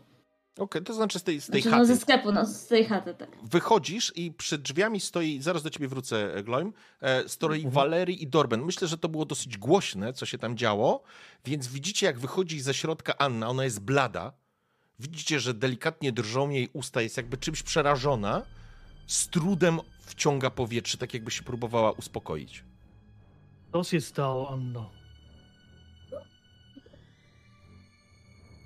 Spokojnie, spokojnie oddychaj. Jest... Starajmy się za dużo nie rozmawiać z tym człowiekiem i tam nie wchodzić, jak nie trzeba. Tam jest coś nie tak. Nie spotkałam się z tym nigdy, nie wiem co się dzieje, ale tam jest coś grubo nie tak. Tak w międzyczasie patrzę, patrzę na Dorbena. Dorben, czy zechciałbyś wejść, wspomóc naszego niskiego kompana? Ja tymczasem zobaczę, czy może od zapiecka jakieś wejście jest. Mhm. Może jakoś otwarte? tamtędy wejdę. W porządku. Drzwi są otwarte? Tak, oczywiście, bo to jest, to jest takie wejście, wyobraźcie sobie, to jest taka chałupka, wiesz, e, przy zagajniczku. Tak jak mówiłem, ona nie różni się specjalnie wiele od jakiejś rudery, poza tym, że ten dach jest połatany tym płatami mchu i tam wejść i wyjść jest żaden problem, to żadna twierdza, po prostu widać jakieś rosnące roślinki po lewej i po prawej stronie E, i właśnie wyszła Anna, która, która łapie oddech, w środku został Gloim. Jeżeli ty wchodzisz do środka, no to, to wchodzimy w, te, w ten moment, w którym ty wchodzisz, Gloim będziesz, e, do ciebie piłka leci, natomiast Walerii e, rozejrzysz się dookoła. Dokładnie. Ja chciałbym minąć Annę właśnie, jak ona. Widzę, że jest zadyszka. Tak, tak, Walerii. Jak najbardziej. Sam tam nie zostanie. Jeszcze za dużo wypije. O, W porządku? Wchodzisz, E. zatem, wchodzisz zatem do środka, jak rozumiem. I to jest ten moment, kiedy Gloim e, piłka do ciebie. E, mężczyzna cały czas stoi w tym samym miejscu. On, wiesz, opiera się o ten kostur i próbuje, ci, próbuje się na ciebie patrzeć, ale widzisz też, że jego oczy są zalane bielmem. Czy jest całkiem ślepy, tego nie wiesz, ale, ale przygląda. Patrzy się mniej więcej w, w stronę, skąd e, płynie dźwięk. Mhm. Y, Przypomnij mi metagamingową, bo mnie wtedy zaczęło zrywać, jak dokładnie się ci ludzie nazywali, co tam z nim niby współpracowali. E, słuchaj, e, Gottfried nazywał ich czerwiami, a mężczyzna, który jest ich, nazwijmy to, przywódcą, e, nazywał się Eckhart. Tak go nazwał e, karczmarz. Nie rób ze mnie idioty. Starcze. Chodzi mi o Eckharta i czerwi. Okej. I coraz powoli się zbliżam do niego. Dobrze, Dorben, ty wchodzisz do środka, usłyszałeś to, dostrzegasz jak Gloimben po prostu zbliża się do dziadka. Rozumiem, że próbujesz go zastraszyć? Mm, tak, tak, próbuję, wiesz, no, bardziej agresywnie podejść, tak? Okej, jaka jest No, intencja? W jaki zważy- sposób agresywnie? Siłowo? Znaczy, na początku słownie. Póki co jeszcze, dopóki Anna mnie złapała, jeżeli, wiesz, Mhm. zauważyłem, że wyszła, jednak chciałem się troszeczkę powstrzymać jeszcze Okej, w porządku. przed siłowym. Mm, Zatem, jeżeli ty padło, padło nazwa Czerwi i Eckharta, Mhm. dziadyga opiera się. Nie wiem, o kim mówisz, brodaczu. Czerwie? Dobren, Dorben, Gloim, co robicie teraz?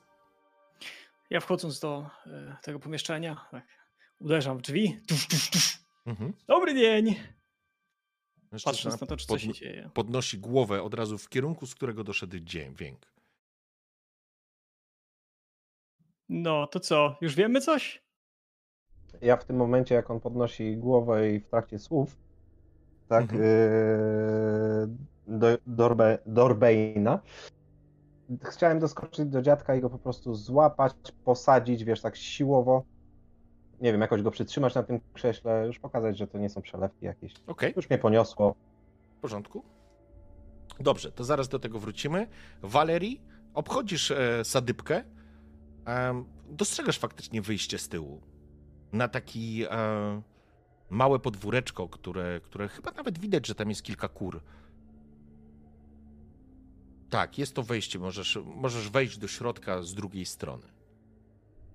Więc omijając te kury, tak żeby gdakania była, było jak najmniej, ponieważ sądzę, że dziadek i tak jest zaabsorbowany em, dwoma moimi towarzyszami. Niemniej jednak i tak jestem ostrożny, chcę podejść do tych drzwi i jak Mhm. najciszej tamtędy się dostać do środka.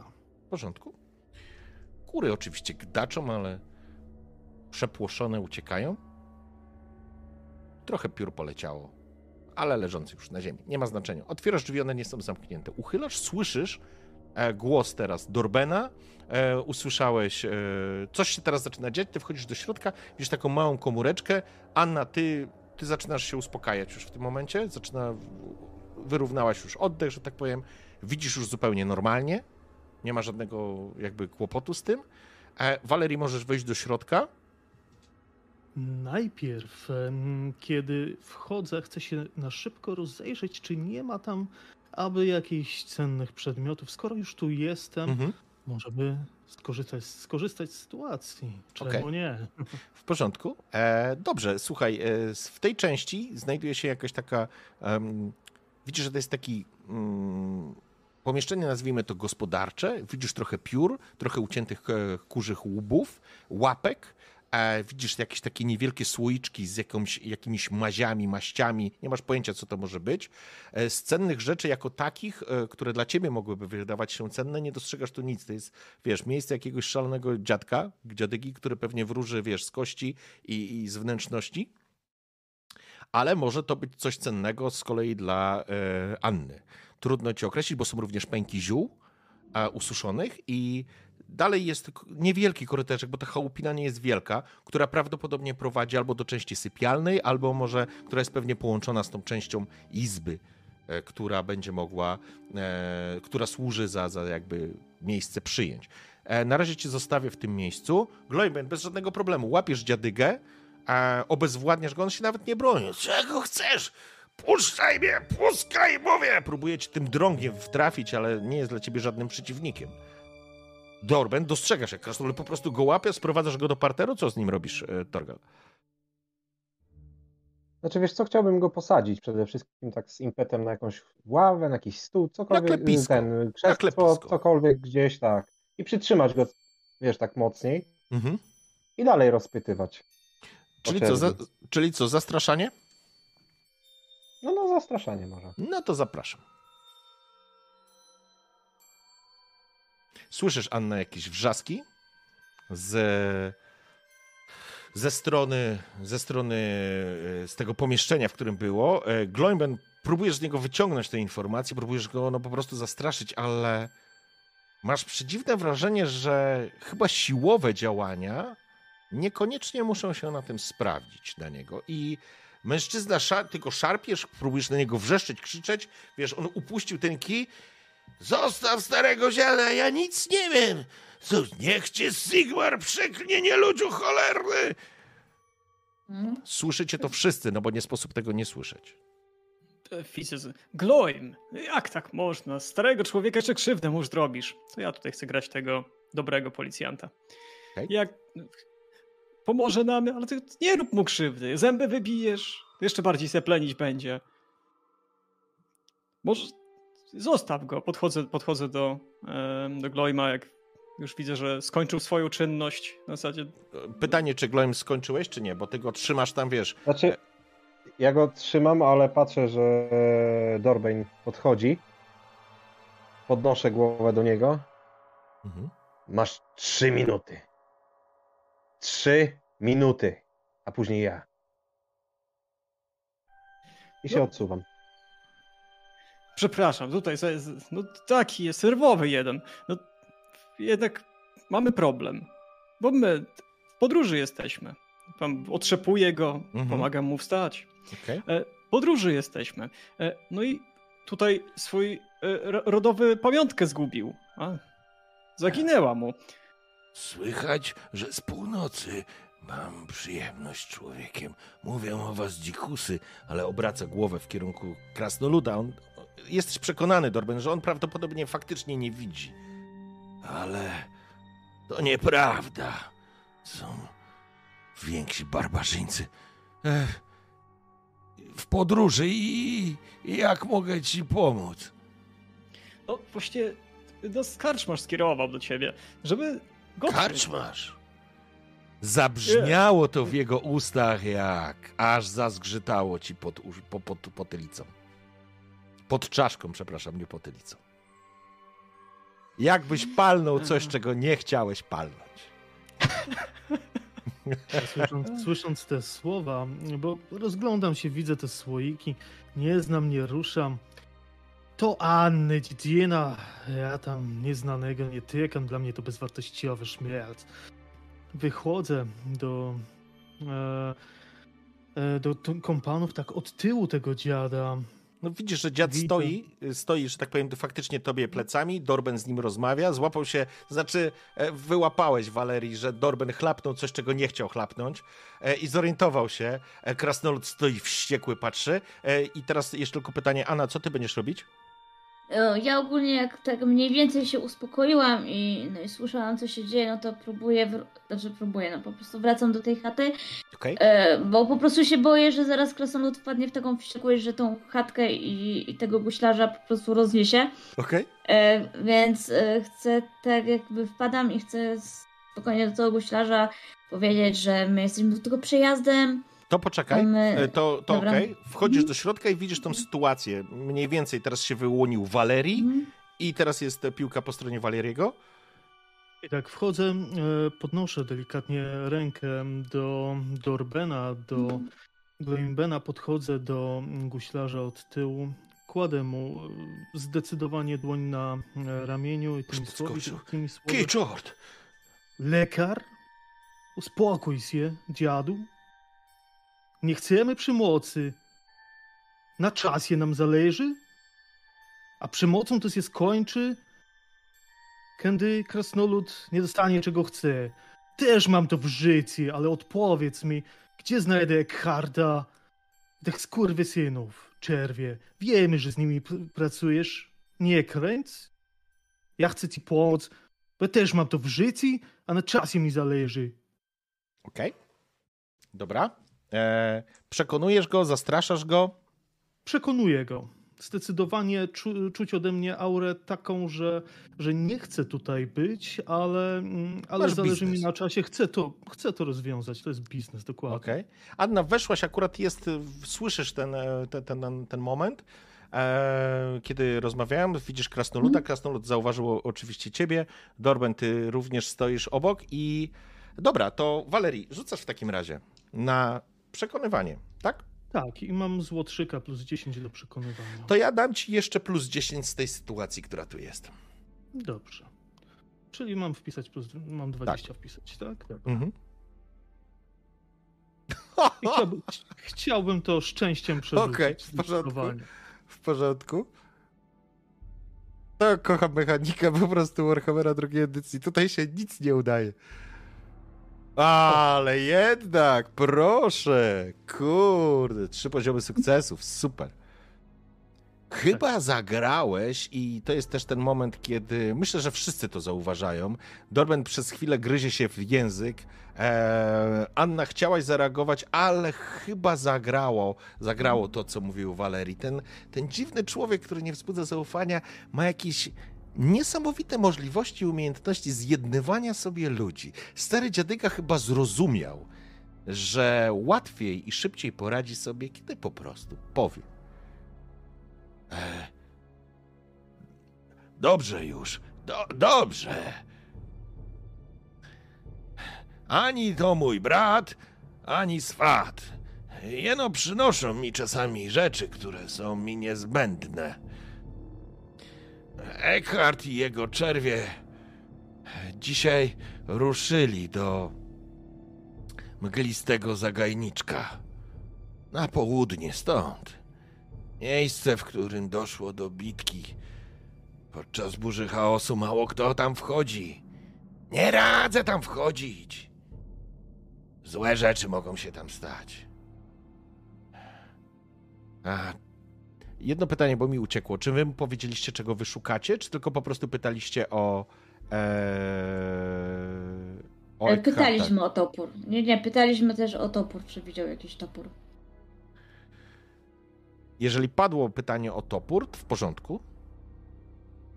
Wydaje mi się, że padło. Ale Ja na nie zdążyłem. Na początku Gloimben bodajże. Okej. Ale Mhm. To, nie było pytanie, tylko stwierdzenie. Okej, mu w porządku, w porządku. E, więc, e, więc e, guślarz spogląda się na was. E, Eckhart chełpił się jakimś toporzyskiem. Kawał stali. Dwuręczny topór. Tego szukasz, brodaczu? Mówiłem ci na początku. Co o tym wiesz? Wszystko. Akurat z mówieniem to miało niewiele wspólnego. E, Eckhart pokazał mi go jako jego nowy łup. Ale tylko tyle wiem. Zabrał go ze sobą i ruszyli do mglistego zagajniczka. Pewnie znajdziesz topór przy Eckharcie. Ruszyli z samego rana, więc na moje macie kilka godzin straty do nich. Nie trzeba było tak od razu i krasnolud odwraca się i wychodzi.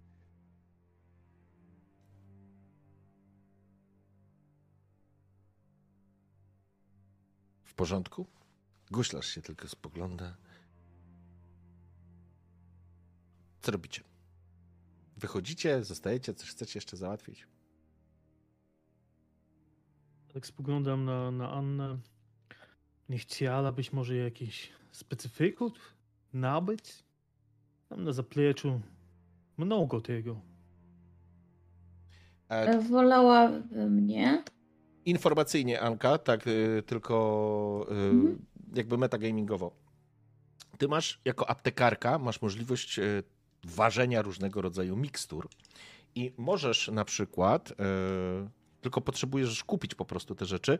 Prawdopodobnie częścią, część tych rzeczy inaczej. Te rzeczy na pewno kupisz na ryneczku, ale możesz też kupić u, u, tego, u tego guślarza, teoretycznie, jeżeli miałby. Już nie będziemy wchodzić w szczegóły, ale potrzebujesz, e, słuchaj, potrzebujesz na przykład do takiej mikstury na.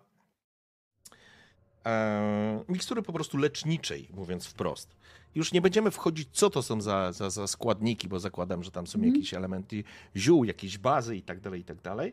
Ale generalnie normalnie by to kosztowało. mm, Koszt takiej e, mikstury, jakbyście chcieli kupić, by kosztowała pewnie z 5 złotych koron, ale same składniki wystarczą dla ciebie za 2,5 korony, więc jeżeli chcesz, możecie się zrzucić i kupić to teraz, albo ewentualnie później na ryneczku. Tylko pytanie, znając Krasnoluda, będziecie chcieli od razu jechać, więc sugerowałbym ewentualnie przygotowanie czegoś takiego. Jeżeli chcecie kupić, to tutaj możecie skorzystać z tej możliwości. Dobra, to tak, to ja bym kupiła, no. To tak, to zdecydowanie bym kupiła. Gloimben wyszedł, został Dorben, Walerii, Anna. E, Guślarz spogląda się. Uczona baba? I słyszę... Nie, nie słyszę akcentu. Bierz, panienko, po dobrej cenie oddam. Tak mało nas już zostało. E, Na rynku na pewno dziękuję. wyjdzie ci drożej. Na targu, na 100%. Tak, bo tak, nie, nie, biorę, biorę od niego. E, tylko jak to biorę, e, to też chciałam do niego podejść, złapać go, w sensie wziąć jego ręce w moje ręce i tak cicho, żeby chłopaki no, nie słyszeli, albo jak już Wal- wejdą. Jest obok i Dorben jest obok, więc teraz nie ma na to możliwości, chyba że opuszczają pomieszczenie. Więc No dobra, no to Jak- pytam przy jak, nich. Jak... Znaczy, dobra, dobra, spoko, to pytam przy nich, e, że biorę tak jego ręce w swoje i tak mówię, e, dobry człowieku, co to była za fioletowa mgła? Sensie chłopaki nie wiedzą o co chodzi, nie? No bo Mhm. skąd mają wiedzieć, ale ja się, się pytam. Widzisz, na jego twarzy maluje się uśmiech, obnażając szczerbate i dziurawe, że tak powiem, dziąsła. Oblizał język. Widziałaś?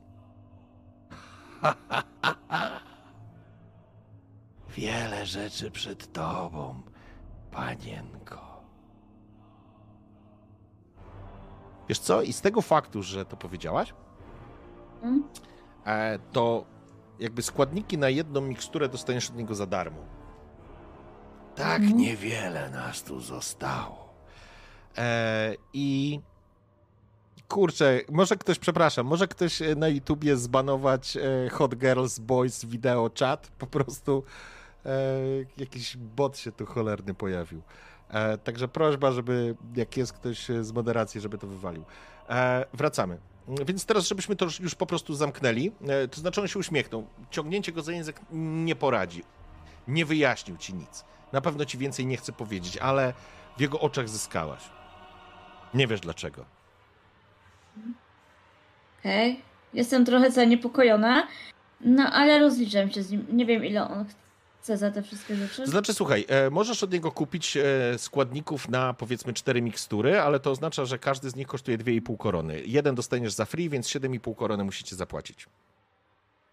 Pytanie, Znaczy, no czy ja się ogólnie- składacie? Bo ty jesteś bez No pieniędzy. właśnie, musimy się składać, bo jestem waszą utrzymanką po moim rzucie na To ile bogactwo. To ile panienko ci brakuje? No, Pięć i pół korony. Żeby były cztery mikstury lecznicze po jednej dla nas. Wtedy będziesz To je przygotowywać, nie? To dla Mhm. grupy. Wykładam pieniądze. Tak, no bo żeby po prostu były Okej. cztery, tak jakby docelowo po jednym, po jednej na każdego, nie? W porządku? Okej. E, Mężczyzna uśmiechnął się, nie sprawdza pieniędzy, które mu dajecie, wrzuca je do kieszeni, da, poszedł e, do tego pomieszczenia, w którym jeszcze przed chwilą był Walerii, wyciągnął składniki, które już znałaś, suszone zioła, jakieś, jakieś pewnie jakieś fiolki, być może pewnie z jakąś bazą, jakimś alkoholem czy czymś. Daje ci to, klepie cię po ręku. Dokąd zmierzasz, dziewuszko? Ja w Kislewu, momencie, kiedy, na północ. kiedy to słyszę, ale już nie zdążyłem, chciałem pokazać taki znak, ale Okej. już post factum.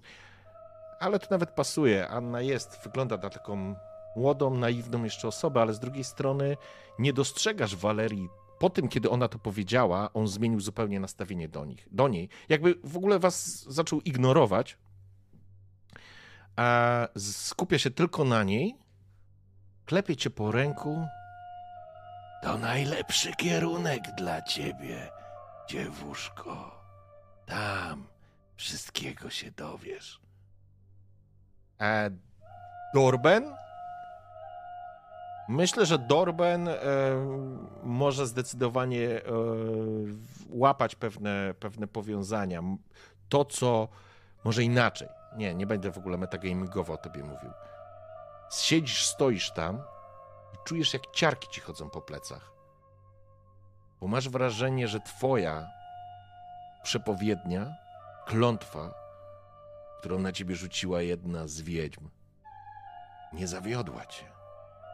Musiałeś dobrze ocenić sytuację. Nie masz pojęcia jak. No ale przeznaczenie zaskakuje nas wszystkich, bo widzisz przez chwilę Annę, która z tej młodej kobiety, dziewczyny, zamienia się po prostu w taką pomarszczoną starą babę, opierającą się na kosturze, która jest jakby lustrzanym odbiciem guślarza. I ty widziałeś takie baby.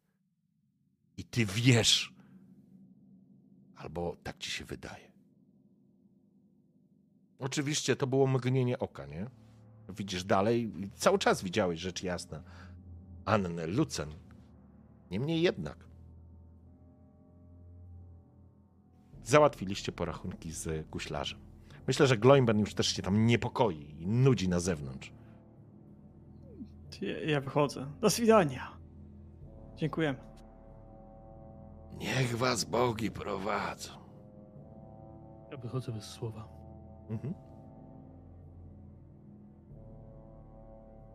No, ja też wychodzę razem z chłopakami. No i niosę te rzeczy, wiadomo, w ręce, które. które Tak, chciałbym, żebyś sobie taka- wpisała, wpisała na karcie, że masz po prostu te składniki, które y, posłużą ci do przygotowania, do próby przygotowania tych eliksirów y, y, zdrowotnych. To jest tak metagamingowo, to jest niezwykle fajna sprawa, bo jeżeli ci się uda to zrobić, to wypicie tego powoduje, że przywraca 4 punkty życia po prostu od ręki. Także to jest naprawdę e, spoko temat. E, ale teraz, żebyśmy pchnęli trochę dalej. Mhm. E, wyszliście przed, e, wyszliście przed e, ten domek, tą chatkę. Już nie niepokojeni, guślerz został. A co robicie? Gloim To co, Gloim? już trochę? Jedziemy. Jedziemy za tymi. Fuh, jedziemy. Ale zanim dotrzemy na miejsce, zatrzymajmy się trochę wcześniej. Radziłbym trochę się rozejrzeć na miejscu i zobaczyć, jaka sytuacja tam panuje. Żeby nie rzucać się na hura, tak jak w tej, w tej knajpie. Da? Na co ty A. chcesz patrzeć? Na dziewki? Czy wolisz chłopców? Kurwa. Nie tak jak ty, jak odzyskać ten knury. Zobaczyć jaka sytuacja. Może od tyłu uda się podejść. Na spokojnie. A nie z górą. Jak zwykle od tyłu. Knura Jak od zwykle tyłu? od tyłu. Z zaskoczenia. Mości krasnoludzie. Z zaskoczenia. Tak jak ci topór ujęli. E? Da. Polećmy. W porządku? Jedźmy. A co będzie, co ma być, to będzie. Okej. Więc teraz tak, rozumiem, że wracacie do. e, To już tak nie będziemy tego odgrywać, tylko po prostu pchniemy. Rozumiem, że wróciliście do swojej karczmy, do ostatniej kropli. E, Dorben, tam jest twoja kobyła. Jak się kobyła nazywa? Masz jakieś imię? Jak wygląda? O właśnie, kochani, bo od tego, to powinniśmy od tego zacząć, a mi to zupełnie uciekło, ale teraz przyjmijmy, że jest taka scena, jak wasza czwórka wraca e, do miasteczka e, i tak się odsuwa od was i idziecie tak w cztery osoby. Chciałbym, żeby każda z was się, żeby każdy z was się teraz opisało, tak jak widać tak jak wyglądają wasze postaci. Weźcie pod uwagę, że jest już chłodniej, więc macie coś na sobie. Nie są to futra, e, ale no, nie jesteście gotowi na kislewską zimę, ale macie na sobie jakieś wierzchnie odzienie. Więc zacznijmy teraz od Walierego. W drugą stronę polecimy. Walerii zatem ma długie wełniane spodnie, ocieplane jakimś delikatnym futrem, skórą. Ale coś, co nie krępuje ruchów. To jest taki mężczyzna, 1,70 m. Um, dość postawny, ale nie nabity. Taki, że widać, że to jest chłop, który potrafi coś, coś zmachać, ale, ale no, niekoniecznie przypierdolić, ale, ale że generalnie taki zwinny dość. Takie spodnie, które krem, kr- krępować ruchów nie będą, lniana, a może i nawet wełniana koszula, taka dość grubsza. A, może nie na zimę, ale na zimę jest taka płota z kapturem, którą ma, w której chowa ten swój zakazany ryj. Widzicie, że, że jest on tam może paroma bliznami po, po, poznaczony, ale też w drodze mogliście zobaczyć, że gdzie nie, gdzie tam nakłada sobie jakieś mazidło i tego praktycznie prawie, że nie widać. Ale idzie taki, praktycznie no, mówi na początku jak wygląda, ale idzie na końcu tej kompanii, żeby w żadnym wypadku nie iść na początku, żeby iść ostatni i patrzeć jak się rozwija sytuacja. Okej, w porządku. Czy y, towarzysze mieli okazję widzieć cię bez, e, nazwijmy to tego, no, makijażu? No, przyjmijmy makijażu. Starałem się nie, ale mogli gdzieś tam zobaczyć, jak tam, jak tam może wstawałem rano. Mogli coś widzieć, ale nie do końca wiedzieli co. Raczej starałem się ukrywać. Okej, w porządku. Dobrze. E, to był Walerii. Glo, Gloimben. Krasnolud jest w- w skórzanej e, kamizelce. płaszcz podróżny, morda pokiereszowana z każdej strony, pomimo tego, że stara się obmyć po każdej bójce, po każdych, po każdych tych dniach, jest dalej uwalony od góry do dołu, nie przywiązuje wagi w ogóle do swojego wyglądu. Mhm. E, pomarańczowy czub, długa broda. E, do jeszcze niedawna piękny topór przytroczony do pleców. A teraz z kurwioną miną idzie do przodu. Okej. A pomarańczowy czub, rzecz jasna, na głowie, nie? Tak, tak, dokładnie. Pomarańczowy czub i pomarańczowa długa broda. Okej. Dorben? No to Dorben jako, jako Kislewita Ungą, no to z takiej średniej wie- wielkości, wysokości, może troszeczkę niższy e, od średniej. E, jest 165, 168, coś, ten deseń, przedział ten. Rysy, raczej, rysy twarzy dość takie ostre, jak na, jak na Ungoła przystało. E, Krępej budowy grubszy. Te twarz widać, że troszeczkę ulana. Może nie bardzo, ale troszeczkę. Te lata w nawozie zrobiły swoje ciemnobrązowe włosy, e, ciemnobrązowy zarost gdzieś przeplatany siwizną. E, raczej, raczej dłuższe. Tutaj za, zaczesane do tyłu, ale i tak się nie układają. Nie, przy, nie przykłada do tego wagi. Oczy niebieskie, co jest dość nietypowe jak na Ungoła. Na głowie papacha, na grzbiecie brązowy płaszcz wykończony, e, wykończony jakimś futrem. E, pod płaszczem kurta, ubranie podróżne. Jeżeli miał jakiś kolor, to już dawno uciekł. E, u boku toporek i przez plecy prze, przewieszona miszka, garłacz, którego nigdy nie zostawia. No i co? Tak to wozem, po, po, wozem jeździ lewo-prawo e, u, swo, u boku swojej szkapy. Po prostu szkapy. Okej. Anna? No, y, ja y, wyglądam ogólnie. Na pierwszy rzut oka nie rzucam się w oczy, mam ubranie podróżne, mm, jakąś tam sakwę, w tej mam narzędzia cyrulika, chłopkę krzesiwo, jakiś koc. Mam przy pasie broń jednoręczną, prawdopodobnie miecz, aczkolwiek to nie znaczy, że umiem z niego korzystać, bo w razie gdybym musiała, to się boję, że bardziej sobie zrobię krzywdę niż komuś.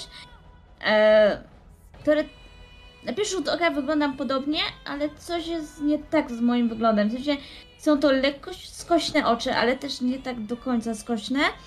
I jest to troszeczkę ciemniejsza karnacja. Nie tak jak wszyscy, wszyscy tak jakby wokół, wokół Imperium.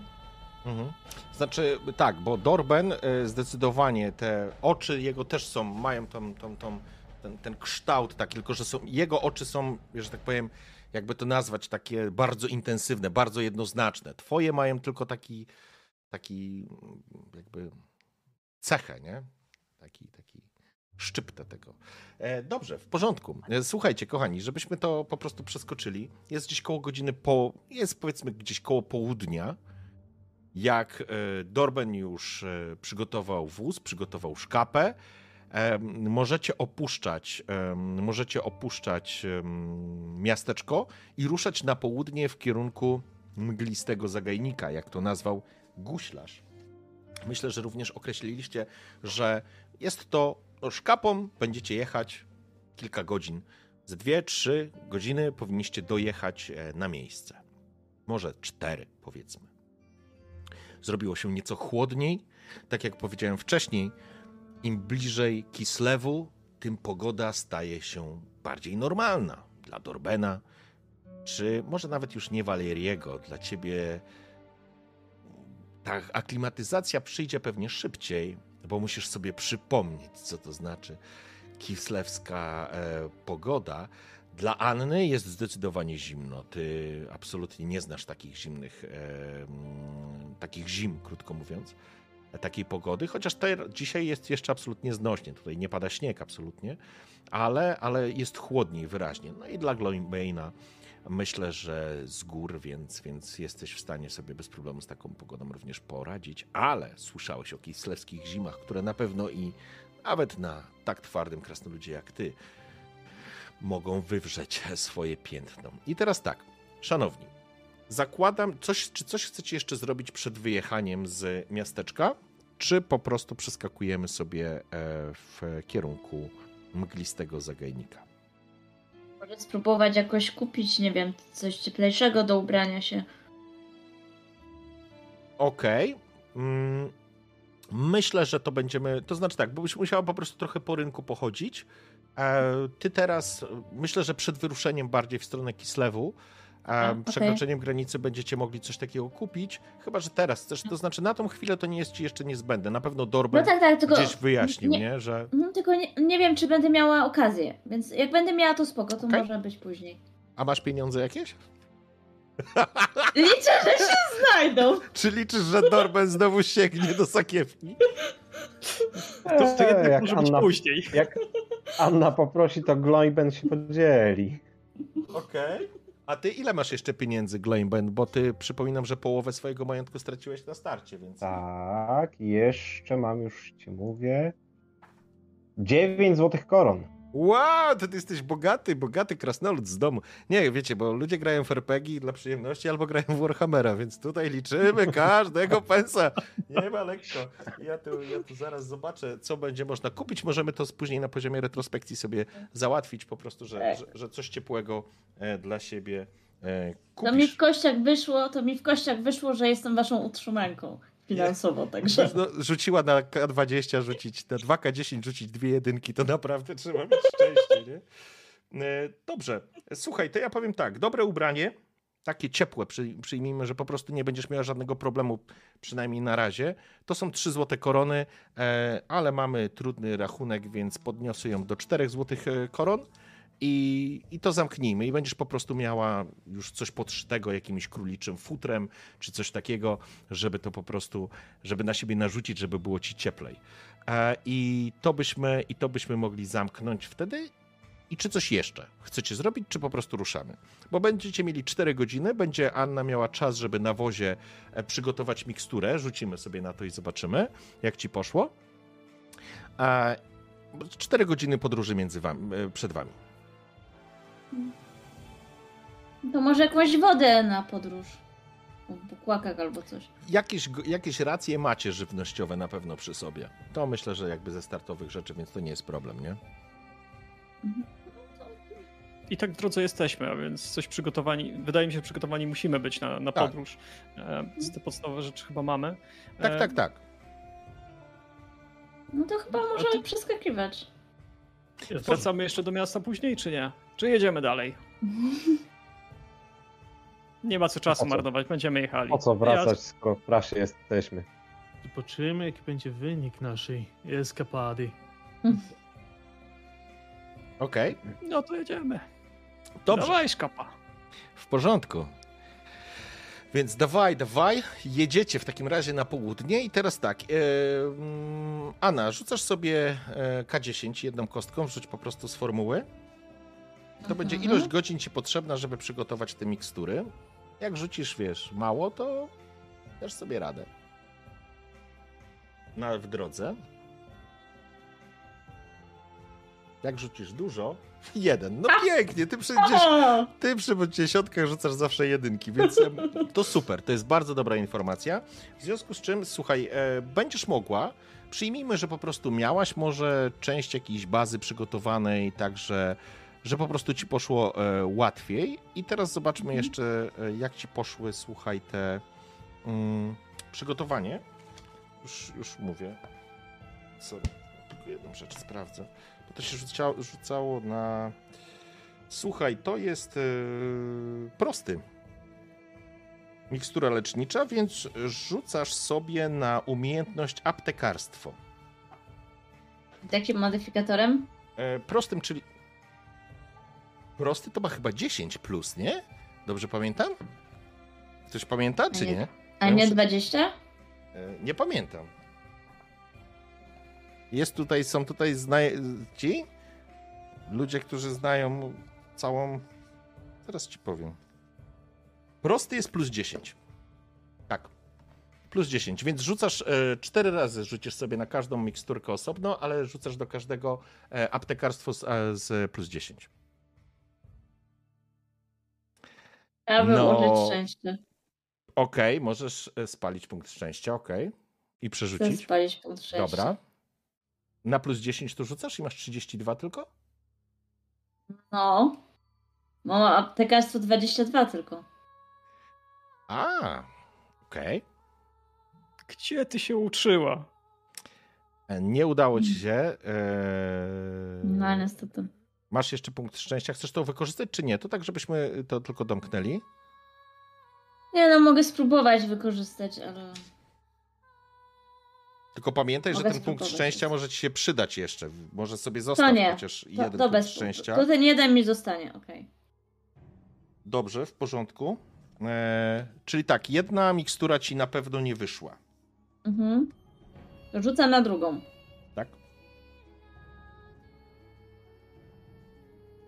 E, również ci ja- nie wyszły. To ja może się zatrzymam, żeby tak nie trzęsło. Okej. To co, Nie, przepraszam, przepraszam, ja cię e, źle wprowadziłem w błąd. Sorry, łatwy to jest plus 20, prosty jest plus 10, więc proszę, żebyś No, powtórzyła te dwa mówiłam. rzuty. Okej, na plus 20. Tak, na plus 20. I. Dobra, pierwszy ci nie wyszedł, i tu masz to szczęście, które przerzucasz. Tak. No. No niestety, pierwsze ci nie wyszło, masz jeszcze trzy. Jest, Pięknie. jeden wyszedł. Pierwszy, pierwsza mikstura ci wyszła, okej. Dobrze. Jeszcze dwie.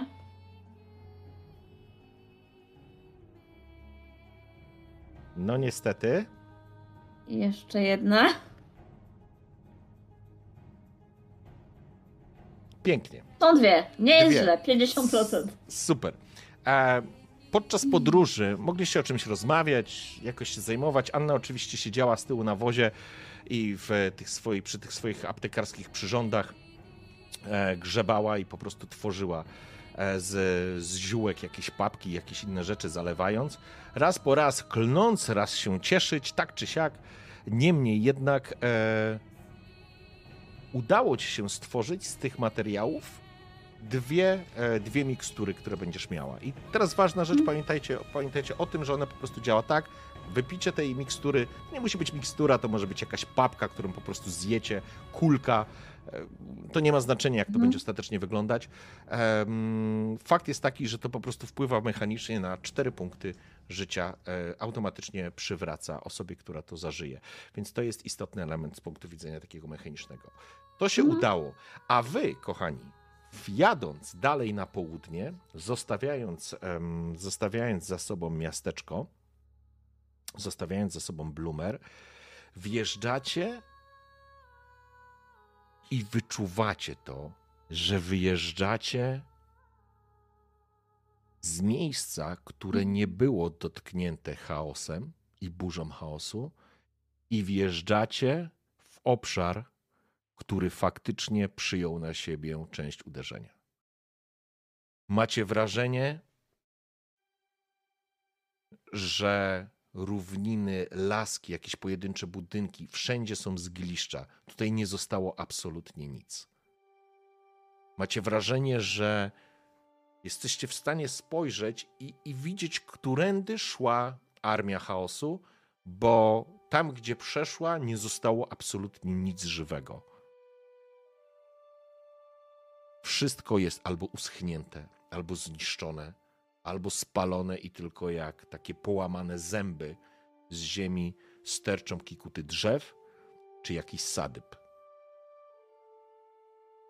Słońce jest coraz niżej, ale oczywiście jeszcze do zachodu chwila. Niemniej jednak ciężkie chmury gdzieś tam od wschodu zaczynają ciągnąć i Dorben, ty rozpoznajesz te chmury. W Kislewie już śnieg na 100%. Ale dojeżdżacie w pewnym momencie, dostrzegacie przed wami wśród. Um, sekunda. Yy, to chciałem. Wśród tych zniszczeń, tak naprawdę odradzającej się z trudem ziemi i, i tego wszystkiego, co tutaj jest dookoła. Gdzieś minęliście jakąś niewielką sadybę, to gdzieś tam ludzie odbudowywali pewnie, wrócili na swoje. Dostrzegacie coś, co jest faktycznie dziwne. I Anna, ty teraz kończysz tą ostatnią, zadowolona, że ci się udało. E, Niech przy, nie, przyjmijmy, że to ma jakąś taką, jakąś papkę, jest to jakaś taka kulka, która, która, która trochę wygląda jak ciastko. Spoglądacie i przed wami rośnie zagajnik, który macie wrażenie, że wśród tej ciemności, w której tu jest, to znaczy ciemności, to jest złe słowo, to tak jakby spalona ziemia, wiecie o co chodzi, się dopiero odradzała. Tutaj ten zagajnik jest jakby nieruszony. Dostrzegacie, że wśród drzew pełgają po prostu pasma mgły i owijają się jak węże wokół, mm, wokół pni i jakichś krzewów, które obrastają, jakby st- stanowią przedpole. Droga, która prowadzi, prowadzi obok, ale jeżeli, jeżeli gdzieś tu ma być zagajnik mgieł, czy mglisty zagajnik, to to musi być to miejsce. Orben? Zatrzymaj no. Karłoce gdzieś w ukryciu. Może cichaczem podejdziemy i obadamy, co tam się dzieje. Musi być powód, czemu te drzewa tutaj są jeszcze w nienaruszonym stanie, a cała reszta widzieliście. Pustkowie, pustkowie od chaosu. Ja z chęcią bym podszedł troszeczkę dalej, może od drugiej strony, z oczu, czy nie czyha na nas nic, czego byśmy się nie spodziewali. Co wy na to, towarzysze? Jak powiedział, tak zrobiłem. E, tak jest, jak najbardziej. Nie ma co pchać się w środek. Gdzieś na boku zwalniam szkapa? Czekaj. No. Dalek, jak, żeby daleko zbyt nie było, ale też żeby wi- widać nas nie było jak na dłoni. Mhm. Okej, w porządku, czyli ty gdzieś przyczepiasz, przywiązujesz do jakiegoś Tak, drzewka. do, do, do, drzewa, do, do Mhm. drzewa szkapę, niech, niech nie ucieknie, w jak się porządku. przestraszy. Okej. E, Jesteście od zagajnika kilkadziesiąt metrów, powiedziałbym. Może koło 100 metrów. W pewnej takiej bezpiecznej odległości. E, I zostawiliście szkapę. Tylko pytanie, co teraz e, Anna i Gloimben? Co z waszej Znaczy, strony? ja chciałabym zagadać do Gloimbena, tak żeby chłopaki nie słyszeli. Słuchaj, Gloimben, dopóki nie odzyskamy twojego topora, to może weź mój miecz, bo ja i tak się nim skrzywdzę, a, a przynajmniej będziesz miał coś do walki. Mam jeszcze topór. Ja z długą bronią. Nie za bardzo się czuję. A tobie Okej. może się przydać. Ale nie wychylaj się zbytnio. Stój za mną. Okej. Więc... No. no to my tak się trzymamy. W sensie ja się tak trzymam Mhm. z tyłu. W porządku. Ja czyli... tak patrzę na. Mhm. Patrzę jeszcze na Waleriego, jak zsiada z wozu. To co, przystojniaku? Idziesz po cichutku sprawdzić? Nie tak jak ty do, do, do knuraś podszedł. Sprawdźmy najpierw, co się dzieje. Później działajmy. I zdecydowanie to, co powiedziałem, chcę zrobić. E, Walerii, jako że jest najbardziej doświadczoną osobą tutaj w skradaniu się, mm, chcę też nie iść bezpośrednio, jakby taką domyślną drogą z, ze szlaku do tego zagajnika, tylko obejść go w niepostrzeżenie i podejść może z boku, może z tyłu, Mhm. e, jak najbardziej niezauważonym będąc. I teraz pytanie, czy ty idziesz sam na taki zwiat, a reszta czeka, aż wróci Walerii, czy wy idziecie wszyscy razem? Najchętniej poszedłbym sam. Jak sam iść chce, to niech idzie. Ja tylko Wierzę, rzucam wierzę na odcho- wróci. Ja tylko rzucam na odchodne. Pięknisiu. Jakby coś się działo, daj znać. Jak Będę będą go krzyczał. obdzierali, obdzierali żywcem, to krzyczeć będzie. Będę krzyczał. Nawet kwieczeć będę dla ciebie. Sorry. Dobra, dobra, Oj. te, romans, te romanse to sobie zostawcie na później. Kwiczeć nie polecam. I takie oczko puszczam Waleriemu. Nie, nie wątpię, nie wątpię. Zobaczę, co się dzieje, działać nie będę, wrócę do was i będziemy snuć plany, co dalej.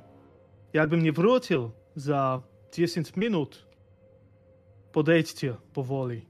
Pokazuję im mniej więcej, którędy będę się udawał I tak właśnie czynię, jak najostrożniej, a, brnąc dalej. W porządku? Okej. Dobrze, zatem e, tak jak uzgodniliście, tak się też wydarzyło. Walerii faktycznie ruszył niczym lis. Miast prosto chadzać, kluczył i faktycznie znajdował ścieżki tam, gdzie tych ścieżek teoretycznie nikt inny by nie znalazł. Z pewnością nie krasnolud, który by poszedł po prostu w sam środek, pytając, gdzie jest jego topór.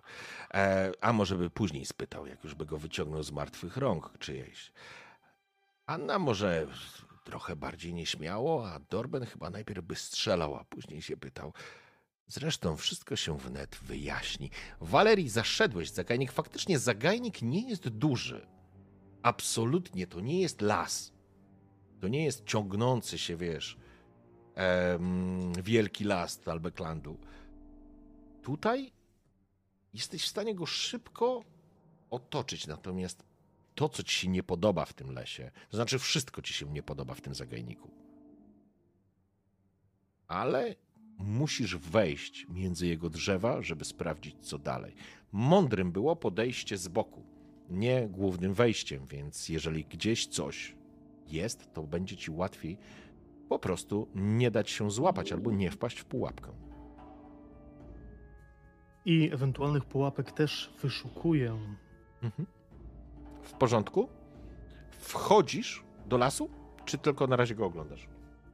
Razie oglądam. Jeżeli Mhm. stwierdzę, że jest bezpiecznie, zrobię kilka kroków i będę posuwał się bardzo ostrożnie do przodu.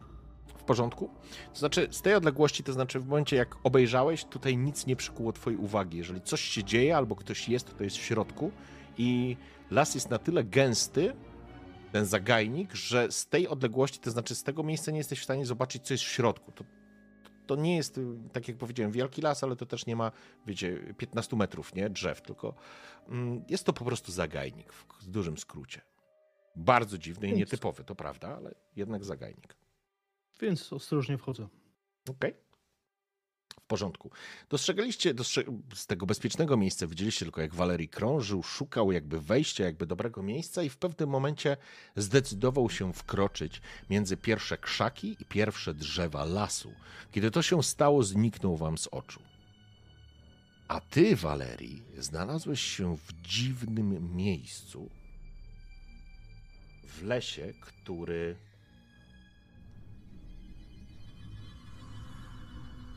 wypełniał dziwny zapach. To jest jakby jedna rzecz. Dużej wilgoci, dużej wilgotności generalnie, jakiejś takiej zgnilizny, ale takiej naturalnej. Ten las, masz wrażenie, że stoi tu od wieków. W powietrzu czuć ten specyficzny zapach rozkładającego się, czy, czy tworzącego się gdzieś tam w jakichś bagienkach e, torfu ale masz wrażenie, że światło się tu załamuje. Słońce już powoli chyliło się ku zachodowi, ale promienie wpadały, przebijały się przez e, chmury i wpadając do środka, kiedy przebijają się przez korony tych drzew, one rozbijają się w taki zniekształcony lekko sposób. Słyszysz również dziwne dźwięki i w ogóle dźwięki roznoszą się tu w sposób zniekształcony.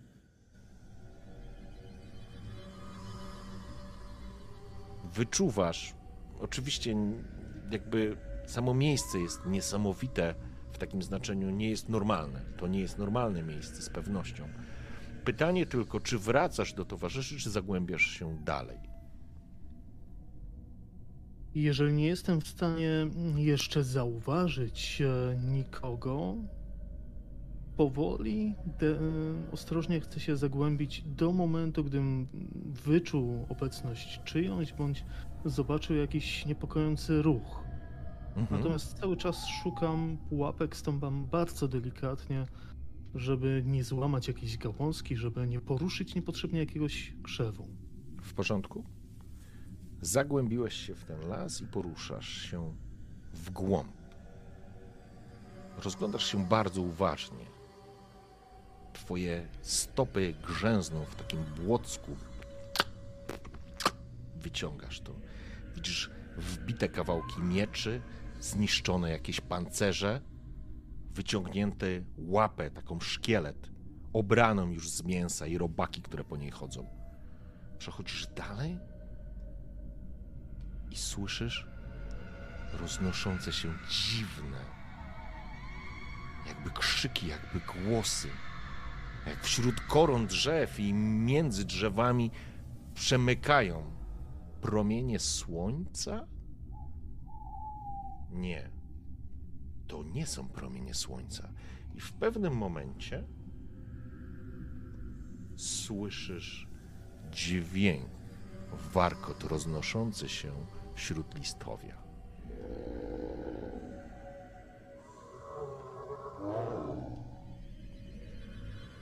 I obrzydliwe ciąkanie. To jest moment, w którym zaczynam się powoli, aczkolwiek zdecydowanie wycofywać, bo Moment, wiem, że to moment, przepraszam Walerii, bo dostrzegasz z nad krzaków sytuację. To jest, to po prostu widzisz, to się dzieje. Dostrzegasz jak na, środ na środku, przy takiej drodze powiedzmy, to jest jakaś taka, nazwijmy to polana, e, to nie do końca jest polana, ale tak jakby e, taka, wiesz, leśna droga, dostrzegasz przy takim wykręconym, dziwnym drzewie trzy duże postaci, które z pewnością e, widziałeś już takie istoty. To zwierzoludzie, którzy stoją, widzisz te zwierzęce pyski, rogi wyciągnięte, warczą do siebie, tak gardłują. Jeden z nich pochyla się i wżera. Tak, to ciamkanie jest obrzydliwe zżera po prostu ciało jakiegoś mężczyzny i dostrzegasz kolejne. I, i widzisz w ziemi wbity topór z wyciągniętą i błyszczącym się tym klejnocikiem, który jest osadzony w stylisku. To jest z pewnością topór Gloimbena. A ci, którzy tam leżą, a ci, którzy tam leżą, to prawdopodobnie czerwie, którzy mieli pecha. I teraz chciałbym, żebyś sobie rzucił na mm, swoje ukrywanie się. Czy, czy jak się ładnie nazywa to? Kradanie się podejrzewam. E, tak, to w takim razie prosiłbym o. Tak, to będziesz rzucał na skradanie się dokładnie. Mhm. Patrzę, czy nie mam żadnych plusów. Nie widzę. Dobra. E, wiesz co, ja ci dam plus 10 z samego tytułu tego, że jesteś, wiesz, zakradasz się gdzieś tam z boku, więc to ci dam od razu, dam ci na to plus 10. Okej. Nie, chcę to, chcę to przerzucić zdecydowanie, bo jestem sam. Okej, I tutaj nie mam, nie mam samo jeden z nimi raczej żadnych szans. sukces 13, dobrze, a teraz ja sobie rzucę.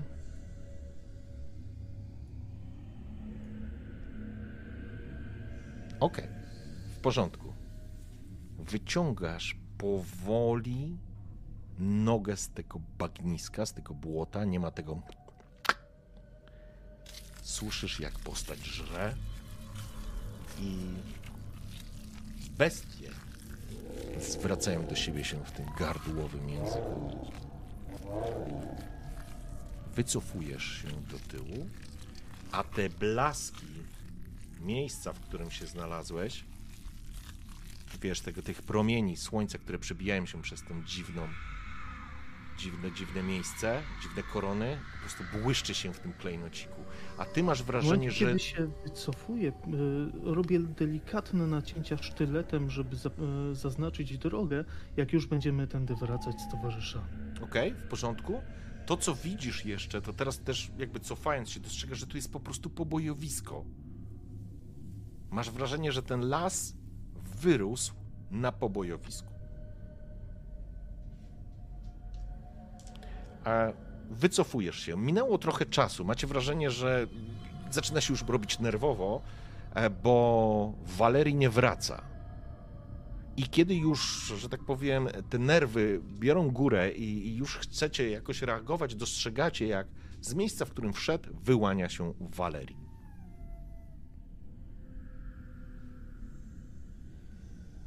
Podchodzę do drużyny. Sytuacja wygląda następująco, moi drodzy. Czerwie z żartem widział, że trójkę zwierzoludzi. Nie zoczyli Hmm. mnie. Krasnoludzie, twój topór zatknięty jest rękojeścią w blocku. Oni się pożywiają. Moja propozycja jest taka, aby nie Napierdalamy szarżować- skorwieli. Właśnie, właśnie. Tego chciałbym uniknąć. Aby nie szarżować od tyłu, zaznaczyłem drogę. Droga jest zoczona przeze mnie. Zaznaczył, że w miarę bezpiecznym miejsce mogę was poprowadzić. Zaatakujemy od tyłu i element zaskoczenia zdziała na naszą korzyść. Ja mam lepszy pomysł. Ja pójdę od przodu, a wy się tyłem zajmiecie. Jak u tego knura. Ręce umywam. To nie moja świnia była. Dobrze, kochani, jaki plan? Znaczy, panowie, ja tak jeszcze tylko wspomnę, bo ja się nie umiem bić. Więc może dla bezpieczeństwa, żebyście się nie musieli o mnie dodatkowo martwić, to ja może zostanę i zaczekam tu na was. Chyba, że jest jakieś ryzyko, że, że ktoś zostanie ranny, to mogę oczywiście iść z wami i go leczyć, ale się boję, że bardziej ja będę ranna. Ty no, wskazuje tutaj na Glembena. Od frontu idzie i będzie szarżował bez swojej broni. Może zostać ranny.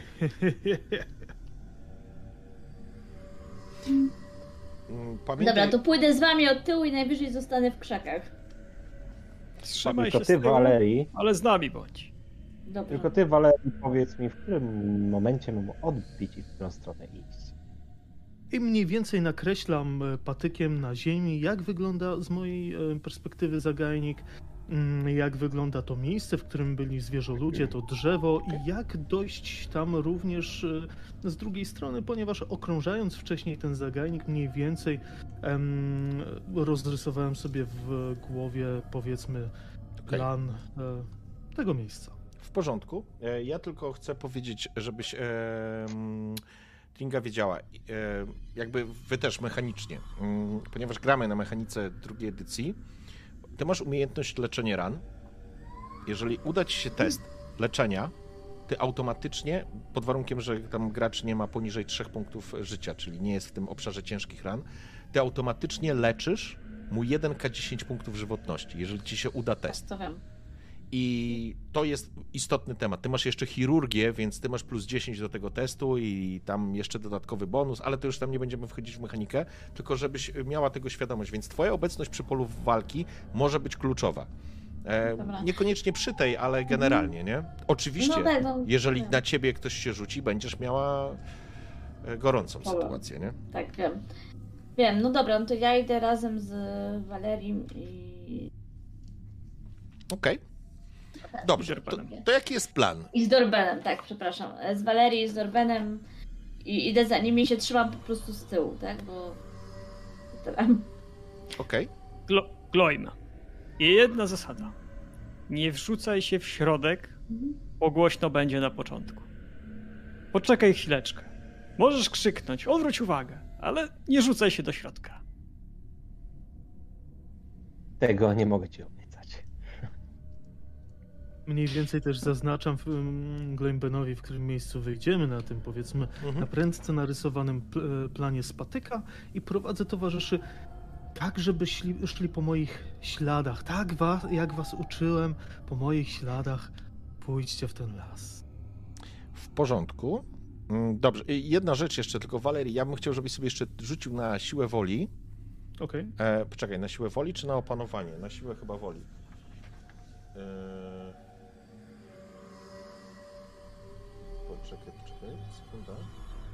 Mhm.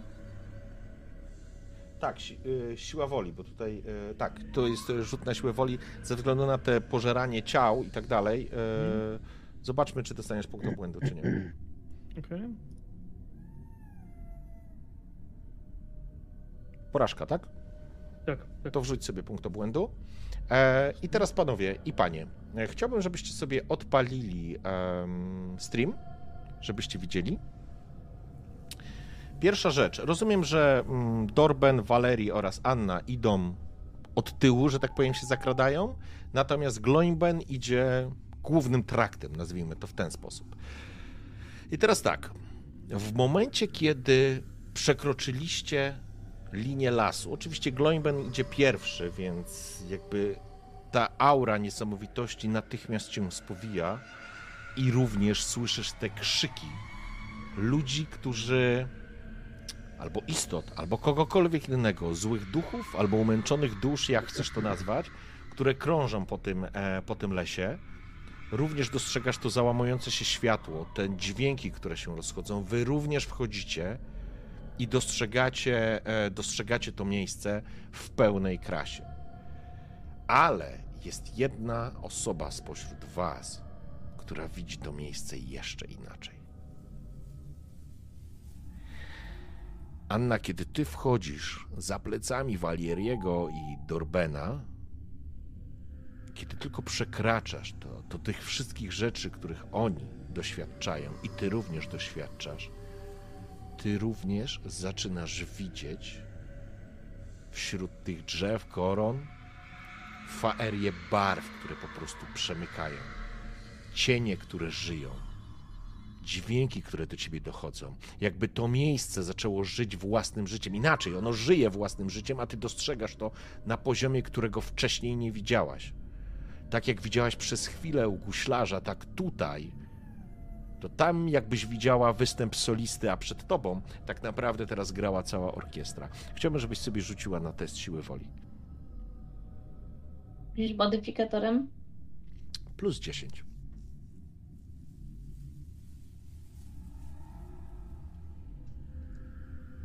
Pięknie. Jest dobrze. Udaje ci się tym razem nie spanikować. Idziesz i zaczynasz na innym poziomie percepcji dostrzegać to, co się wokół ciebie dzieje.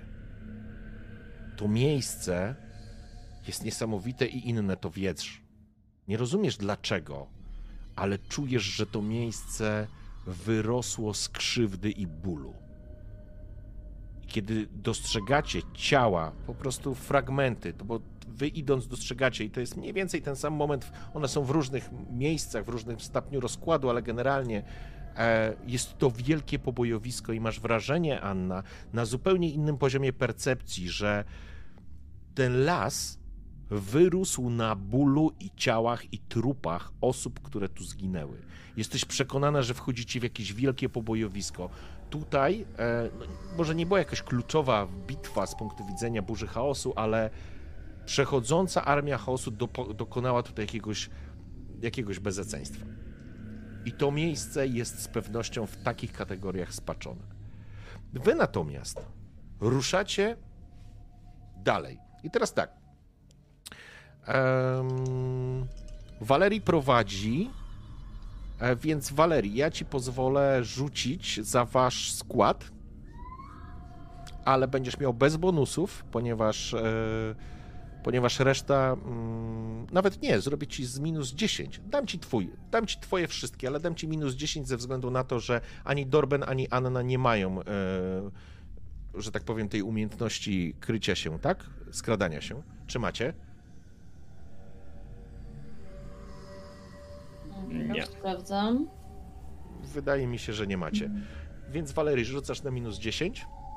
Mhm. Czyli normalnie minus 10 tutaj wpisuję, tak? Tak, ale ty miałeś jakiś bonus chyba wcześniej, czyli masz plus 10, czyli się, ty rzucasz na 0. Mm, nie, dostałem. Um, miałem bonus do przekonywania, ty mi dałeś po prostu. plus Nie, nie, jak 20. wchodziłeś tutaj i spoglądałeś się na tych żrących e, ciało e, zwierzoludzi, dostałeś plus 10 do testu na spostrzegawczość. Okej, Więc Czyli rzucasz teraz na normalnie 0, na zero. tak. Mhm. okej. Porażka, okej. Gloimben, ty podróżujesz traktem, idziesz traktem i dostrzegasz mniej więcej, e, wy, będziesz wyłaniał się towarzyszu za takiego z węgła. Chciałbym, żebyście zerknęli sobie w, słuchajcie, w, na, na stream.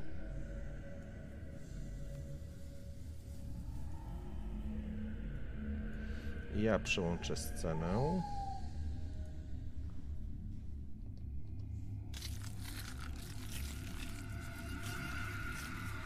To jest mniej więcej taka sytuacja. Pojawiło wam się już na ekranie? Jest mały Mm, delay. tak. u mnie jeszcze. Okej, tak, tak, będzie na pewno delay. O, tutaj muszę też e, dodać naszego towarzysza. E, Sekunda. Okej, już mam. Mm, Już, już, już tylko.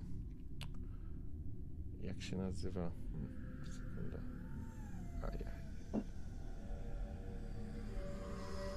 Dobra, zrobię inaczej. Okej. Sekundkę, bo muszę położyć jeszcze ten naszego krasnoluda. Mm,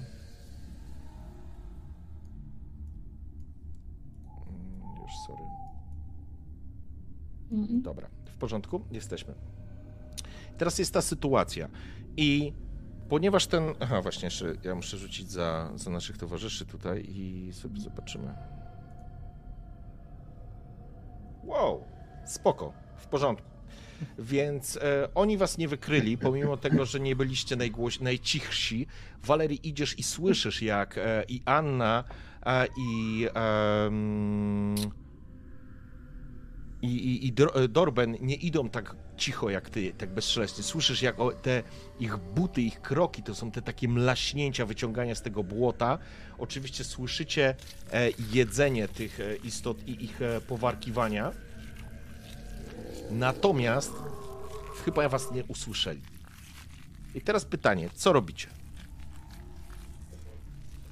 Ja w takim razie prowadzę towarzyszy tak, żeby wiedzieć, że jeszcze nie zostaniemy e, wykryci, natomiast jak najbliżej tego miejsca, na migi pokazując, wskazując e, miejsca, w których po, powinni stawiać stopy, pokazując swoje własne ślady, w których wiem, że już ich obuwie nie będzie aż tak mlaskać w tym wszędobylskim błocku. I znajdując jakiś krzak, który jest właśnie nieopodal tego drzewa, e, jakoś tak, żeby wiedzieć, że te istoty czy po zapachu nas nie dostrzegą, nie, nie zwąchają, bo idziemy też na tyle zwinnie, żeby iść pod wiatr, co jest myślę, że bardzo istotne. Pokazuję im, żeby tutaj się przyczaili i sam też chcę troszeczkę się od nich oddalić, żeby nasz atak był możliwie najbardziej rozłożony, żeby zaatakować ich taką powiedzmy ławą z trzech różnych pozycji. Porządku. E, jakby odległość jakby na kwadracie, to możecie policzyć sobie gdzieś tam jakieś dwa metry, to jest mniej więcej taka, żebyście, żebyście mieli świadomość, gdzie jesteście, więc zbliżanie się e, bardziej y, do zwierzoludzi razem z Anną i razem z e, Drobenem, Dorbenem e, jest ryzykowne, że was usłyszą. Gloim, co robisz ty? Wiesz co, ja podchodzę dziarskim krokiem, żeby odciągnąć uwagę, na ile to jest możliwe od towarzyszy, wymawiając sobie, wiesz, półgłosem swoją modlitwę, Mhm. zazwyczaj wymawiam, mianowicie, jeżeli to ma się stać i stać się musi, niechby przynajmniej stało się niezwłocznie. Wyciągam topór i lecę na pierwszego lepszego, wiesz, pierwszego z brzegu.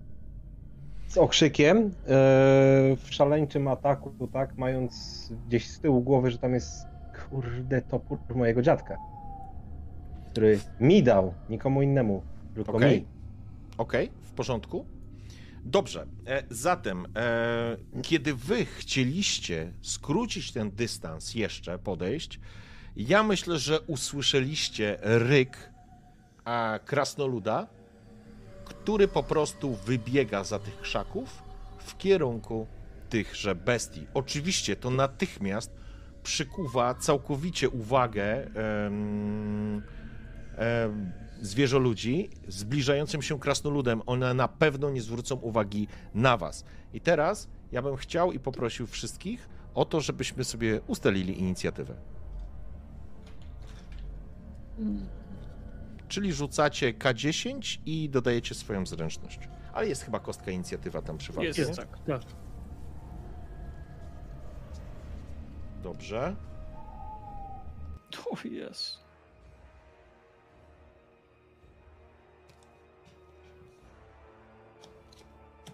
Mm, Już, już, już. E, Co dostrzegliście wy, będąc jeszcze z tyłu, że jeden z tych, który jest najbliżej drzewa, e, jest, siedzi i jest jego futro, jest bardzo pokrwawione.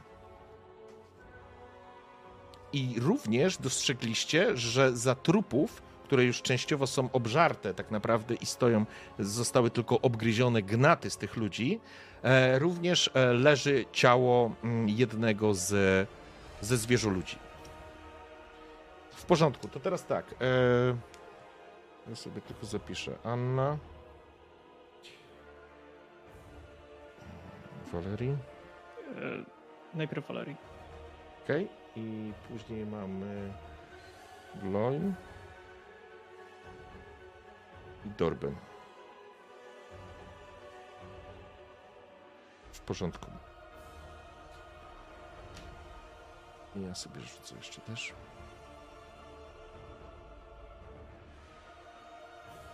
Dobra. E, kto ma najwyższą? Ja, Czyli Valerii. tak, Tak? jest. Ile miałeś? 44. Dobra, Walerii jest pierwszy, później jest 40, później jest Anna.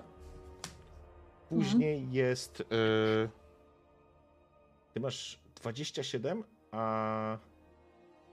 A ty masz Dorben 24. O kurczę, no dobrze. Tak. To w takim razie e, później, e, czyli 24 ma kto? E, Ja, Dorben. Dobra, Dorben. Okej, czyli tak, Walerii będziesz pierwszy, później będzie Anna, następnie są e, zwierzę ludzie i później jest Gloin i Roben. Dobrze, w takim razie powiedz mi, który jest y, tym ranionym?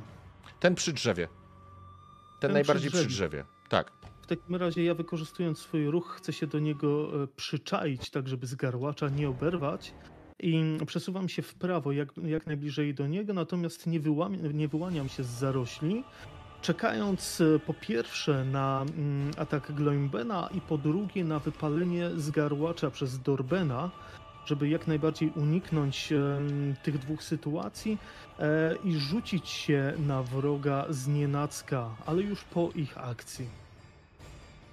Dobrze, tylko że oni prawdopodobnie ruszą w kierunku e, Krasnoluda, więc e, myślę, że ta sytuacja spowoduje, że Dorben może mieć problem z wypaleniem e, z e, tego garłacza, bo również e, trafi Krasnoluda.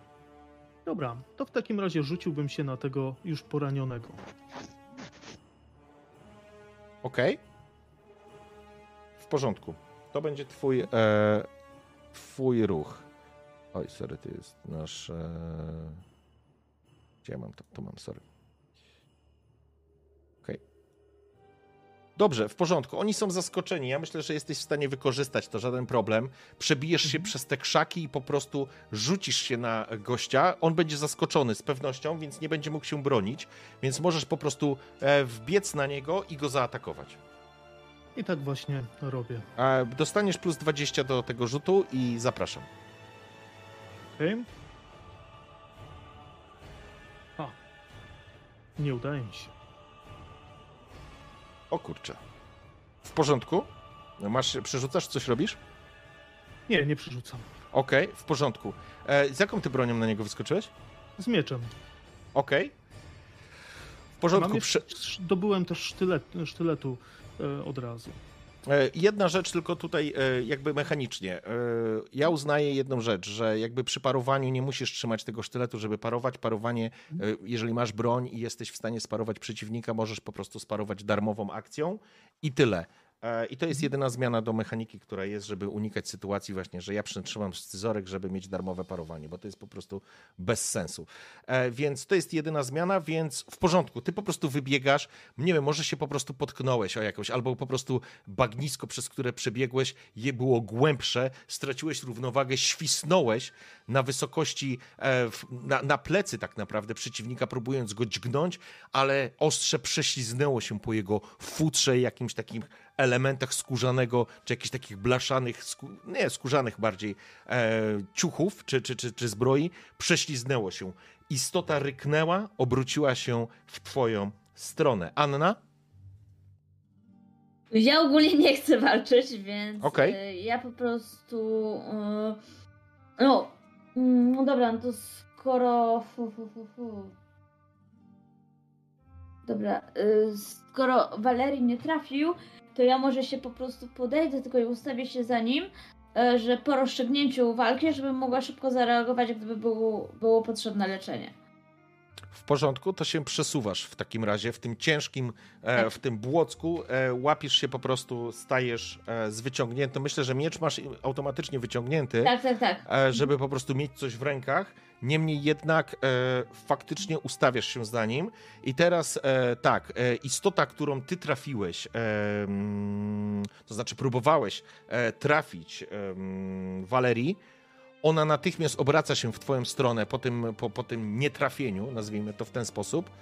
Obraca się w twoją stronę, sięga po, mm, sięga po toporek, który, który ma przy pasie i zamachuje się, e, zamachuje się w twoją stronę. E, I ja muszę zrobić to w ten sposób.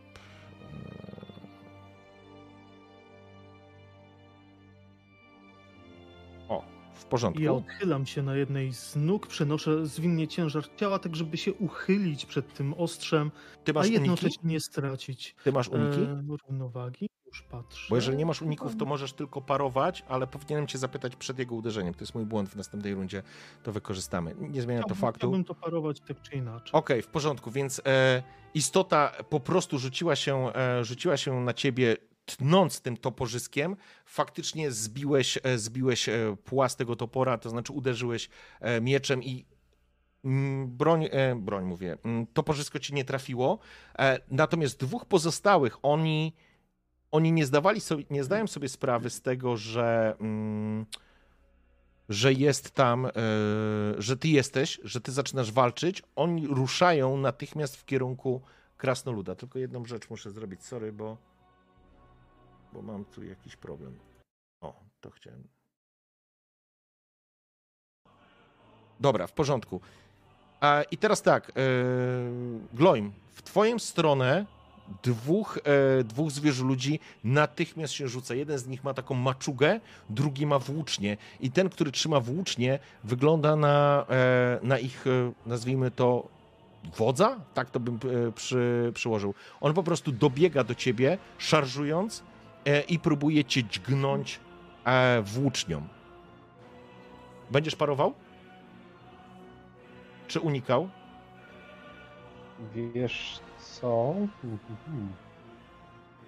Nie, ja będę parował, mając już y, topór w ręku, będę parował. W porządku, e, więc e, on w, uderza w ciebie włócznią, będziesz, ponieważ jest to szybka broń, będziesz miał minus 10 do, do, do sparowania, ale czy jemu to wyjdzie? Dobra, próbuję ci dźgnąć Znaczy ja jednej- mam, wyciąga ja mam wyciąganie broni raz na rundę y, bez... Ale ty masz broń w ręku, więc nie ma żadnego problemu. E, więc Mhm. e, nie musisz nawet rzucać, to nie ma teraz istotnego. Przyjmowałeś do parowania, on próbuje cię zaskoczyć, próbuje cię dźgać tą włócznią, faktycznie jest piekielnie szybka, ale bez problemu udaje ci się, udaje ci się odsparować, że tak powiem, serię ataków, którą w ciebie e, przyjął i teoretycznie sprawa nie byłaby problematyczna, mogłoby się tak wyglądać, gdyby nie sytuacja, w której jego towarzysz dobiega również do ciebie i będzie również e, cię atakował. I w tym momencie możesz tylko unikać, bo parować możesz tylko raz, chyba że spalisz punkt szczęścia. Wtedy możesz unikać. Tak czy siak, pytanie, co robisz przed jego atakiem. Wiesz co, spalę ten punkt szczęścia i będę próbował uniknąć.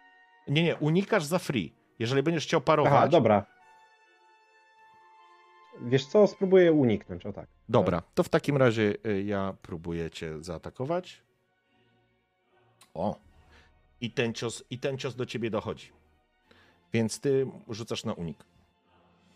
Mhm. Już.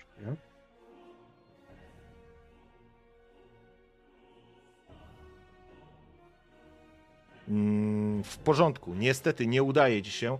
E, zwierzoczłek zaryczał w twoją stronę, po czym słyszysz jak i czujesz, jak jego maczuga po prostu uderza cię na wysokość lewego ramienia. E, I teraz zobaczmy jeszcze, jak to, jak to poszło z obrażeniami. Jest 8 punktów obrażeń. Ty nie masz pancerza, tylko masz wytrzymałość z tego, co kojarzę, nie? Mhm. Ile masz Dokładnie. wytrzymałości? Znaczy, y, czekaj, czekaj, żywotność, tak? Czy... Nie, to kliknij Pancerza? sobie na pancerz. Aha. I tu masz lewe ramię. Ile masz? Lewe ramię mam 5. Masz 5 wytrzymałości. W porządku. W takim razie trzy punkty obrażeń wpisujesz sobie w cechach tam w, w ranach, w tym, w tym miejscu rany. Wpisz sobie po prostu trzy punkty obrażeń. Słyszycie jak krasnolud warknął, kiedy przyjął na lewe ramię, po prostu na lewą rękę uderzenie tej maczugi. Gwoździe, które są, czy, czy takie kolce, które e, wychodzą z tej maczugi, po prostu przebijają ci rękę. Czujesz ból a, i wyrywając po prostu smuga krwi e, zalewa ci ramię, a ty dostajesz po prostu wścieka, po prostu wściekłość cię zalewa. I teraz jest gloj. I teraz wiesz co, w szaleńczym ataku, drąc, drąc się z tego względu, że dostałem w ramię, próbuję uderzyć e, tego z włócznią, tak? Tego, który pierwszy Mhm. nadbiegł. W porządku. Toporkiem, który już trzymam w ręku, Dobrze. czyli to jest na plus 20, tak? E, Ale nie mogę się bronić i unikać później. cze- czemu plus 20? No, szaleńczy atak? Aha, ty wchodzisz w szaleńczy atak. W porządku, tak. Szaleńczy atak, ale do początku kolejnej tury nie będziesz mógł unikać. Nie mogę się ani bronić, parować. ani... Tak, Tak, tak, tak. tak. Czyli masz plus 20 w porządku? Ej, super! Super, bardzo dobrze. Poczekaj, jeszcze tylko zobaczę. A nie, on nie będzie Mhm. mógł się, on nie będzie mógł się teraz bronić. W porządku? Więc e, dostajesz strzał na ramię, zbijasz, że tak powiem, drugą ręką e, wysuniętą w ciebie włócznie, skracasz dystans i uderzasz go sikierą, swoim toporem w jego, w jego odkryte ramię. I teraz rzucamy na obrażenia. Sześć punktów, tak? Mhm. Sześć. Okej, w porządku. E, Okej, dobrze. E, ciąłeś go w jego futrzaste ramię, on ryknął, krew pojawiła się na jego ramieniu, ale z pewnością nie jest to coś, co go powstrzyma. Roben,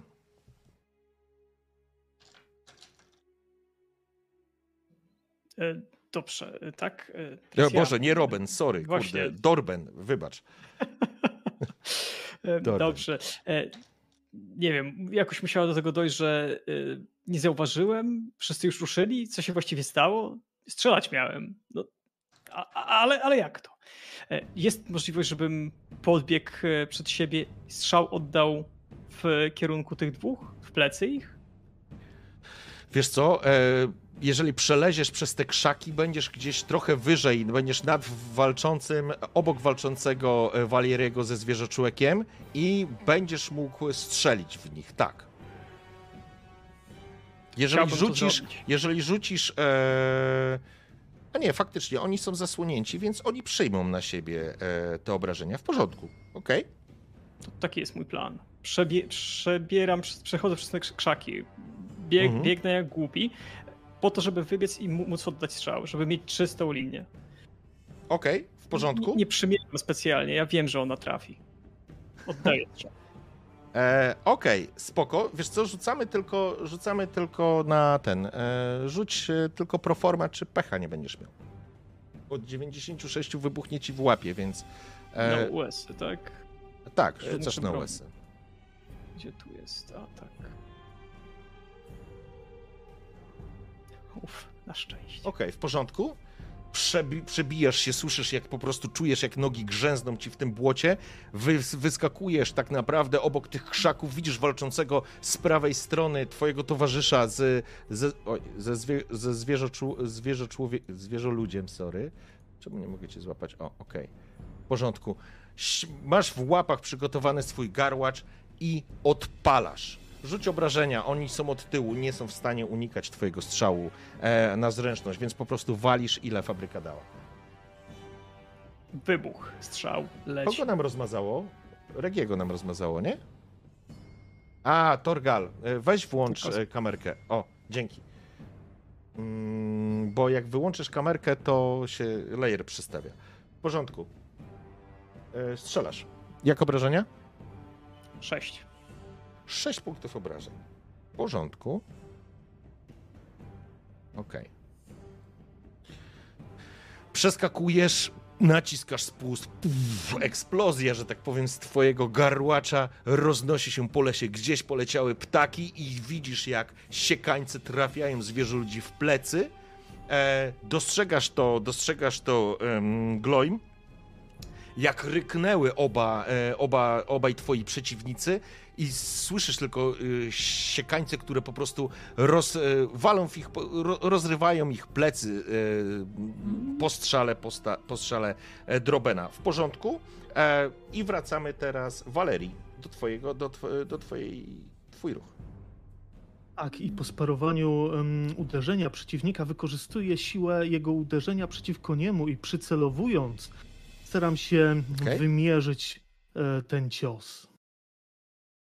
Dobrze? Zapraszam. 10.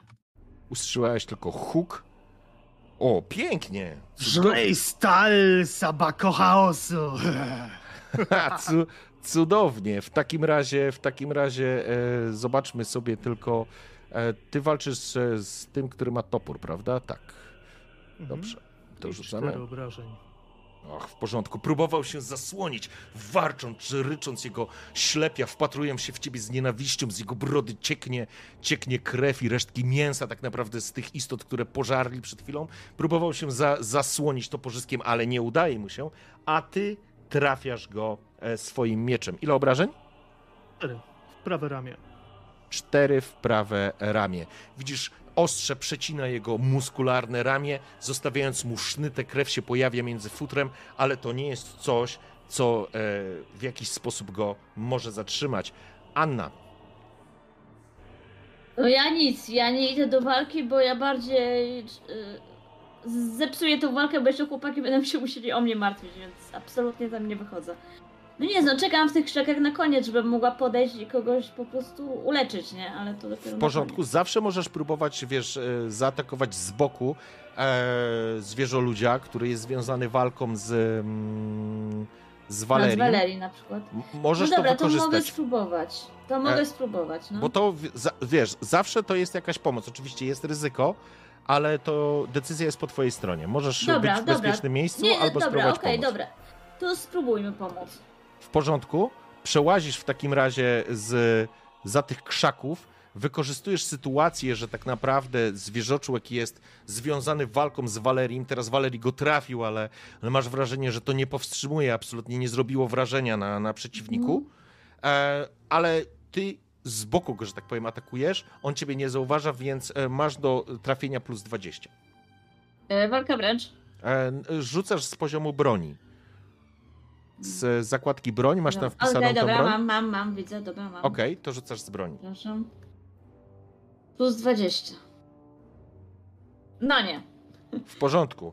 E, może ta istota, która góruje tak naprawdę nad Valerim, spowodowała, że z ręka ci się zatrzęsła. Machnęłaś, machnęłaś e, mieczem, żeby go po prostu trafić. Myślę, że nawet gdzieś go mogłaś uderzyć albo zahaczyć, ale absolutnie to nie zrobiło na nim wrażenia. On z wściekłością w ogóle ignoruje ciebie jako mniejszą postać, może potraktował cię jako kogoś mniej istotnego albo mniej niebezpiecznego i koncentruje się absolutnie na Valerim, zamachując się ponownie.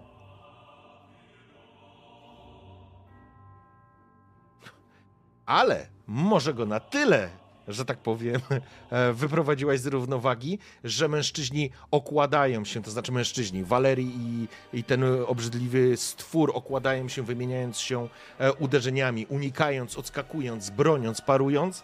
Wszystko się dzieje, że tak powiem, na Twoich oczach, ale nic nie zyskuje przewagi, nie zyskuje przewagi zwierzoczłek. I teraz zobaczmy, co się dzieje w przypadku e, naszego krasnoluda. Słuchaj, e, czy Ty będziesz teraz Gloim parował e, gościa z włócznią? No teraz chyba nie mogę, nie? Poszłem się A, przepraszam, Ty nie możesz, masz rację. No. Dziękuję Ci pięknie. E, To ja już sobie rzucam. Ich jest dwóch, więc teraz Ty masz problem. W porządku.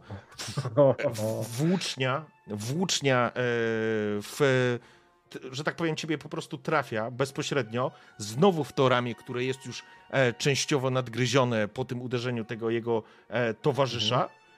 E, nie możesz się niestety bronić, więc e, 6 punktów obrażeń, ty masz wytrzymałości. Ile? Ty masz 5, nie? E, wiesz co, już patrzę, czekaj, czekaj, czekaj. Wytrzymałość. E, Zobacz na to pancerzu. jest 5. Lewe ramię, 5. No. Dobra, w porządku, czyli odpisz sobie jeden punkt e, w takim razie mm, obrażeń Mhm.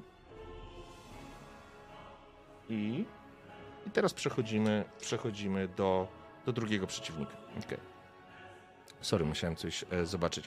W porządku, e, trafił cię, zaryczał triumfalnie i jego towarzysz jakby naładowany e, nadzieją na szybkie, na szybkie zwycięstwo, zamachuje się maczugą i czujesz potężne uderzenie na plecy e, z drugiej strony. E, no i teraz, krasnoludzie, sprawdźmy, jak sobie radzisz z tymi obrażeniami.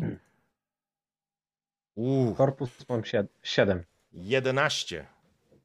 11 obrażeń, to jest 7, to jest 4 punkty obrażeń, które w ciebie wchodzą. Czujesz, jak te zadziory, jak te kolce na maczudze wbijają ci się po prostu w plecy, aż zawyłeś.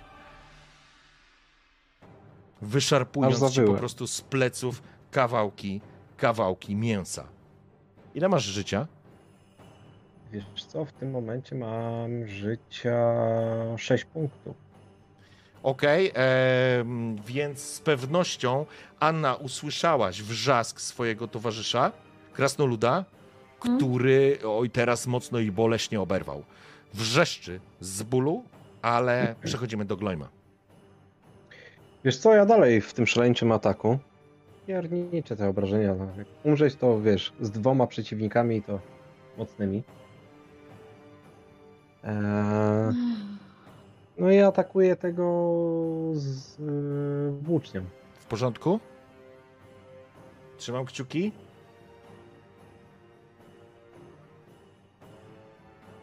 Cudownie, dobrze.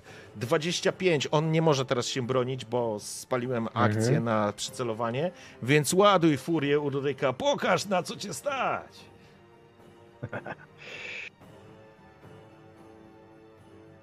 Ale mm, najpierw musisz obrażenia sorry. rzucić. Czekaj, czekaj, czekaj, już obrażenia. Rozpędziłem się, sorry. Masz! Trafiłeś! Jak Jedziemy z zajebiście! furią. I teraz stary, kurde, zajebiście. Rzucaj jeszcze raz na e, walkę wręcz, tak jakbyś jego normalnie atakował i żeby ci weszło. Trzymam kciuki. Ale teraz poczułeś furię i wściekłość. Nie, nie obrażenia. Rzucasz na atak. Normalnie Eee, na atak z topora. A, sorry, sorry. sorry. Ale na zero teraz? Cały czas? No tak jak rzucałeś przed chwilą. No, przed Czyli chwilą rzucałem na plus 20. To z plus 20 rzucasz. Dokładnie tak samo. Bo teraz tylko określamy, czy będziesz Okej. dorzucał obrażenia. Udało ci się? Udało ci się, zajebiście. prawą rękę. Dobrze, Tak. Dobra, to, to, jest tylko fakt, czy doliczasz, bo zróbmy to mechanicznie, żeby już później było łatwiej. Czyli masz furię Ulryka, oznacza się, że dorzucasz obrażenia pod warunkiem, że rzucisz, że Mhm. trafisz. Więc teraz rzucasz jeszcze raz obrażenia. Jeżeli rzucisz o, znowu furię, to po prostu doliczamy to. Kliknij na obrażenia. 11. Stary, twoja suma obrażeń to 24 punkty. Słyszycie tylko, jak krasnolud zawrzeszczał, ale ten ból, jak, jakby dodał mu mocy, jakby spowodował, że jego, jego w jego żyłach z krew się zagotowała, a oczy po prostu niemalże błysnęły szaleństwem. Zamachnąłeś się i e, dobrze, trafiasz go, trafiasz go stary w, trafiasz go na wysokość ramienia. Jak chcesz to zrobić? Wiesz co? O, nie wiem, trafiam go w ramię. Proszę, po części ucinam to ramię, ale chciałbym przekierować cios jednak na głowę. E, w porządku, więc dzieje się następująca rzecz. On cię dźgnął znowu tą włócznią, poczułeś na plecach, aż się wygiąłeś po uderzeniu e, maczugą tego drugiego, ale to dało ci tylko energię. Skróciłeś szybko dystans, zbijając ostrze, uderzyłeś toporem na wysoknięcie ramienia. Raz, drugi. Czujesz, jak chrupie pod potężnymi uderzeniami kość i ciało tej, tej istoty. Ona zaczyna wyć z bólu. Widzisz, jak ta ręka odpada, on upada na kolano i wbijasz topór w jego łeb e, i słyszysz, jak chrupie po prostu kość. em, tej istoty. Wściekłość zalała cię absolutnie. Dorben, twój ruch. Słyszycie Em, tylko to, co się tam dzieje? Widzę, widzę, co się dzieje u e, Krasnoluda, ale to nie jest tak, że on długo wytrzyma. Wy- Szybkie wyciągnięcie z e, Miszka już nie, nie strzeli w tej walce. E, biorę topór, biegnę. Biegnę na tego, który jeszcze stoi obok Krasnoluda. E, czyli że pomagasz krasnoludowi, tak? Tak. W porządku. E, słuchaj, nie dobiegniesz do niego. Nie dobiegnę. Nie dobiegniesz No do niego. Jak nie dobiegnę, to. A nie, to- nie, nie, nie, nie dobiegniesz, bo musisz dobrać e, jeszcze akcję z, e, z. No, dobywasz broń, nie? Ale mam szybkie wyciągnięcie. A, ale broni? Całki? Ty masz wszystko, tak? Za free robisz? No, tak. Ej, dobra, to jeżeli Mi się tak. Jeżeli tak, to w takim razie słuchaj, e, to dobiegniesz. Dobiegniesz do gościa, który. który. Kurde, nie tego, sorry. Coś mi się tu. Trafisz, jesteś w stanie dobiec do tego, który walczy z maczugą i trafił e, krasnoluda. Tylko, że już nie będziesz szarżę. miał szarży, szarży już nie jesteś w stanie zrobić. Po prostu musiałeś wykorzystać e, dodatkowy ruch na, na, na przebiegnięcie, więc ruszasz. I możesz zaatakować Dobra. go w normalny sposób. To atakuję. Okej? Mm, Modyfikatory jakieś? Za. Przewagę liczebną? Dobra, okej, plus 10. W porządku, w porządku, okej. Ja też liczyłem zwierzęciom. Masz rację. Okej, jest z dwóch stron atakowane. Ojej, szczęście wykorzystuję. Dobra? No nie wiesz. Pudło? Pudło dwa razy. Ojejku. W porządku, w takim razie no dobiegasz, zamachnąłeś trafiasz. To nie o to chodzi, że nie trafiasz, tylko po prostu twój... E, ty masz miecz, czy ty masz topór? Topór, toporem. Topór. walcz. Więc topór po prostu ześlizguje się po jakichś elementach pancerza, który był powieszany ten zwierzoludź, e, ale niestety nie czyni mu absolutnie krzywdy. I teraz wracamy do e, Valeriego. Tak jest. I Valerii znów przymierza w- i celuje, celuje we wroga, ponawiając uderzenie. Okej. E, a Walerii Masz- nie powinien I rzucać teraz, z jakimś wa- bonusem, I że teraz ja jest... Valerii, tak, teraz jest e, Mhm. przy tobie Anna, więc będziesz miał plus 10 do trafienia.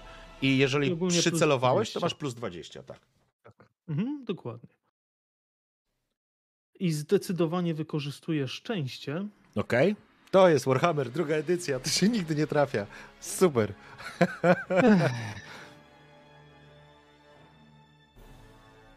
I tutaj zamachnąłem się, wracam mieczem i, i trafiam, trafiam wroga. Poczekaj, poczekaj, ja go teraz będę próbował, na pewno jesteśmy na toporze, więc ja będę próbował to parować.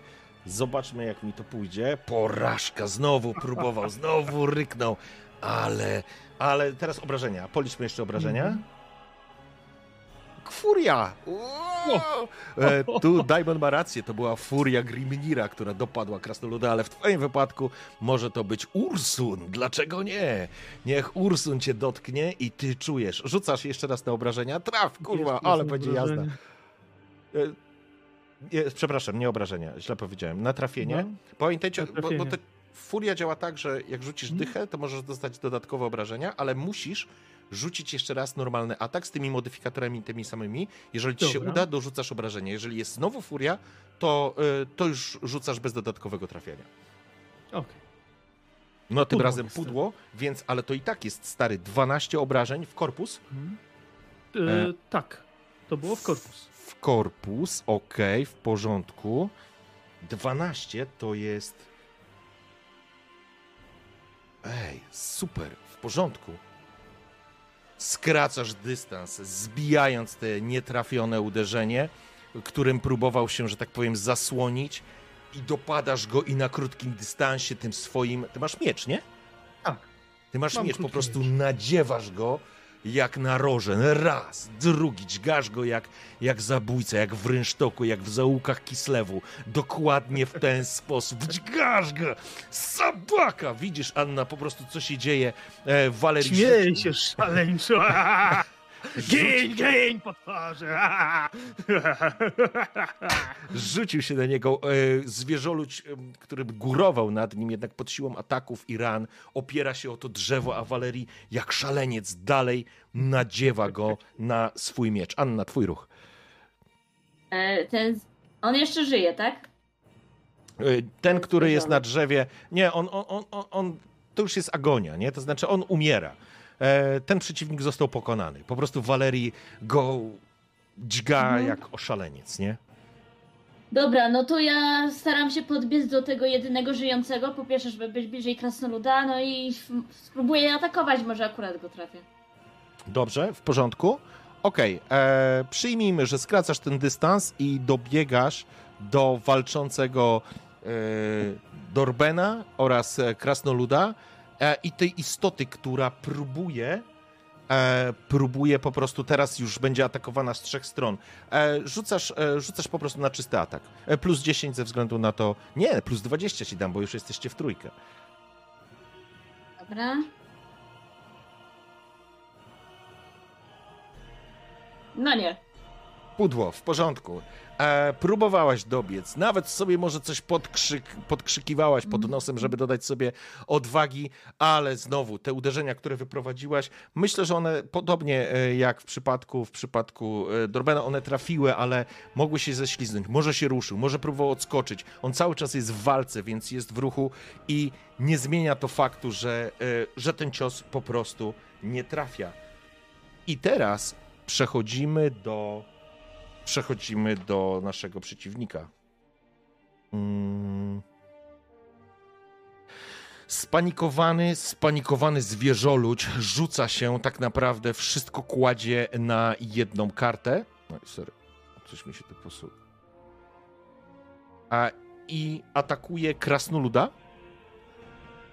w szaleńczym ataku. Panie krasnoludzie, trzymaj się tam, bo nadchodzi maczuga zniszczenia. Jejku. Nie, zwierz, zwierzoludź jest po prostu e, przerażony tą sytuacją. Chyba do niego dociera, że, że nie mają już, że ich szanse są niewielkie. Widzisz, że zamachuje się swoją maczugą i ona tylko, wiesz, ugina ten twój e, pióropusz pomarańczowy, tak wiesz, nie to, że ścina, bo to jest maczuga, więc tylko może ci wyrwał kilka kudłów, ale wiesz, e, zostały na tym jego maczudze jego, twoje kilka pomarańczowych e, kudłów. Gloim, twój ruch. To były włosy mojego dziadka. I atakuję go. W porządku? Jakim atakiem? Z przymierzenia? Wiesz co? Y, nie, wiesz co? Cały czas szaleńczy. To masz Cały plus czas walczę o 20 ten i plus 20. Na plus Tak. 40 rzucasz. Y, cały czas o ten topór walczę, mówi. Mhm.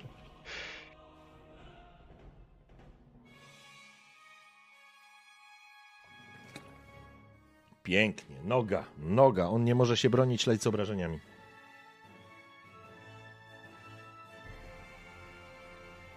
Dziewięć. Dziewięć, w porządku. E, super, super.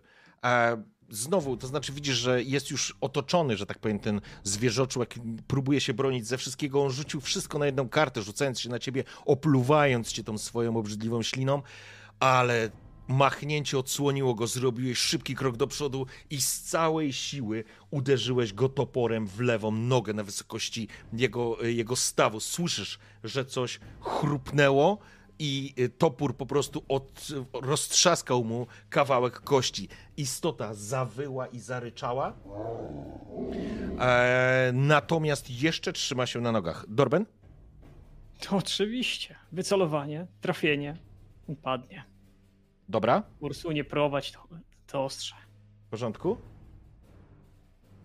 Modyfikator Plus, plus, plus 20. Plus 20, plus 10, plus 30 masz, nie? Bo ty przycelowałeś. Musiało wejść. I co? Bo ja nie widzę jeszcze wyniku. Trafiony 12. E, Okej, w porządku, bo ja nie widzę jeszcze coś się, coś się zwiesił nam e, ten. Ale dwanastka, tak? No to trafiasz go w porządku. On się nie może bronić, więc rzucaj na obrażenia. E, Trafiłem go 12 obrażeń. A, 12 obrażeń. A w co go trafiłeś? W prawą nogę? Trafienie w prawą nogę, tak. Sześć. Och, w porządku. No dobrze, w takim razie uderzasz go w drugą nogę, bo tamten był chyba w lewą, z tego co pamiętam.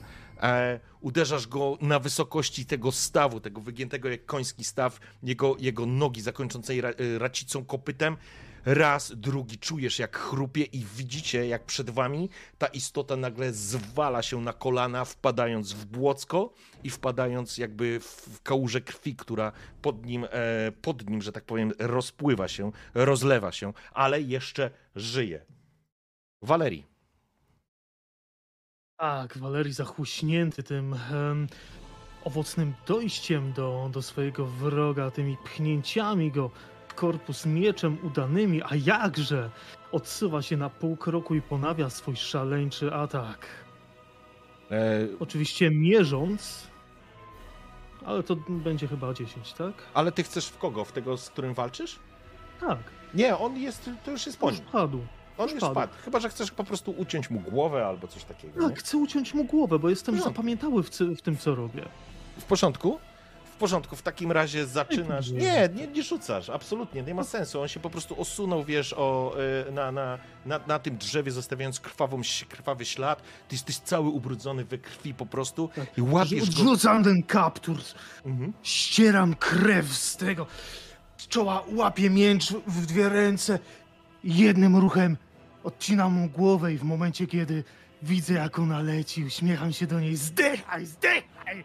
Zabaka ty! Tak jak, po, tak jak powiedziałeś, co się stało, tylko że no, po kilku uderzeniach jednak to jest potężna istota, nie zmienia to faktu. Odrąbałeś tą głowę, jesteś cały w posoce, ta głowa wpada w błoto, krew i błoto i piwo, tak, wołają w, w, w, te, w tej prowincji, w której teraz jesteście. E, zatem to się dzieje, Anna, co robisz? Ta istota pada, No. więc e, nie musisz rzucać na trafienie, po prostu jeżeli chcesz ją dobić, to rzuć na obrażenia. Bo ona, on, on- po prostu zwalił się na kolana. E, Gloim najpierw mu prawie odrąbał, e, tam z, uszkodził Mhm. jedną nogę. Nie, później, nie, to ja, to ja absolutnie go nie chcę dobijać, ja chcę leczyć Gloima. To teraz nie jesteś w stanie tego zrobić. Musiałabyś przejść Aha. obok tego i Dobra, dostać. to mogę dobić. To co, na obrażenia? Tak, rzuć tylko na obrażenia.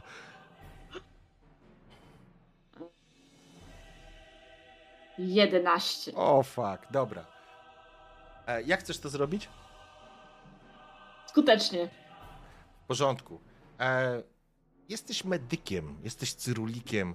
Oczywiście zwierzę ludzie mają inną anatomię, inną budowę, ale jesteś w stanie określić, gdzie się znajdują witalne punkty, albo istotne punkty, albo łączenia. On musi, jak człowiek, mieć kark.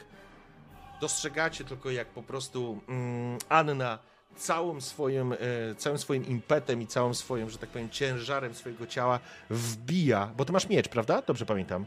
Tak, tak, tak, miecz. Mhm. Miecz na wysokość karku tej istoty napiera i czujesz, jak pod twoją siłą, wściekłością i, i, i, tym, i, tym, i tym pchnięciem po prostu ostrze przebija jego zwały mięśni i rozpłatuje mu gardło. Tak, rozpłatało mu gardło, wychodząc z drugiej strony, bluzga krwi pada na ziemię i w tym samym momencie Anna, e, nie, nie będzie rzucać na siłę woli, po prostu zaczynasz żygać jak kot.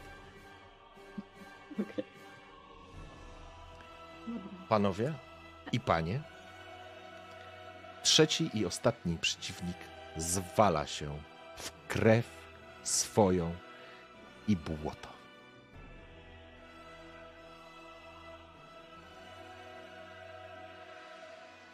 Co robicie? No ja chcę leczyć kra- krasnoluda, to na pewno. Tak, krasnolud tylko tak, nie zważając na nic, biegnie w stronę swego topora. Perełko, perełko, odzyskałem cię. Perełko. Tak, twoje toporzysko faktycznie tak, jak powiedział Walerii, wyrzucone w błoto, ale ten klejnot wyłapywał to, wyłapywał to, to dziwne światło, które zewsząd tu biło i lśnił się szalonym blaskiem.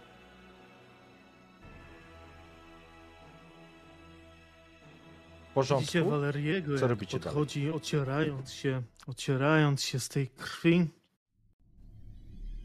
Krasnoludzie, gdybyś tyle nie chlał, nie musielibyśmy się Ciekać z tymi poczwarami. Tutaj. Oj, Valerii, za Valerii. Oporem i tracić czasu i trężyć niepotrzebnie. Chaos zdobić trzeba. To nie jest tak, że zostawić go można, bo rozpleni się. W życiu mam chaos. Chaos To był, musi być ci, jest i będzie. to musi być ci bardzo niewygodnie. Krasnolud tak tylko patrzy Bez na.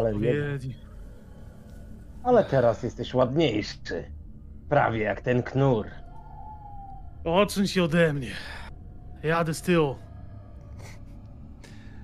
Okej, okej. Nie, Słuchajcie, faktycznie e, Gloimben jakby najwięcej przyjąłeś na siebie obrażeń, więc jesteś zadowolony, szczerze z zęby w szaleńczym uśmiechu.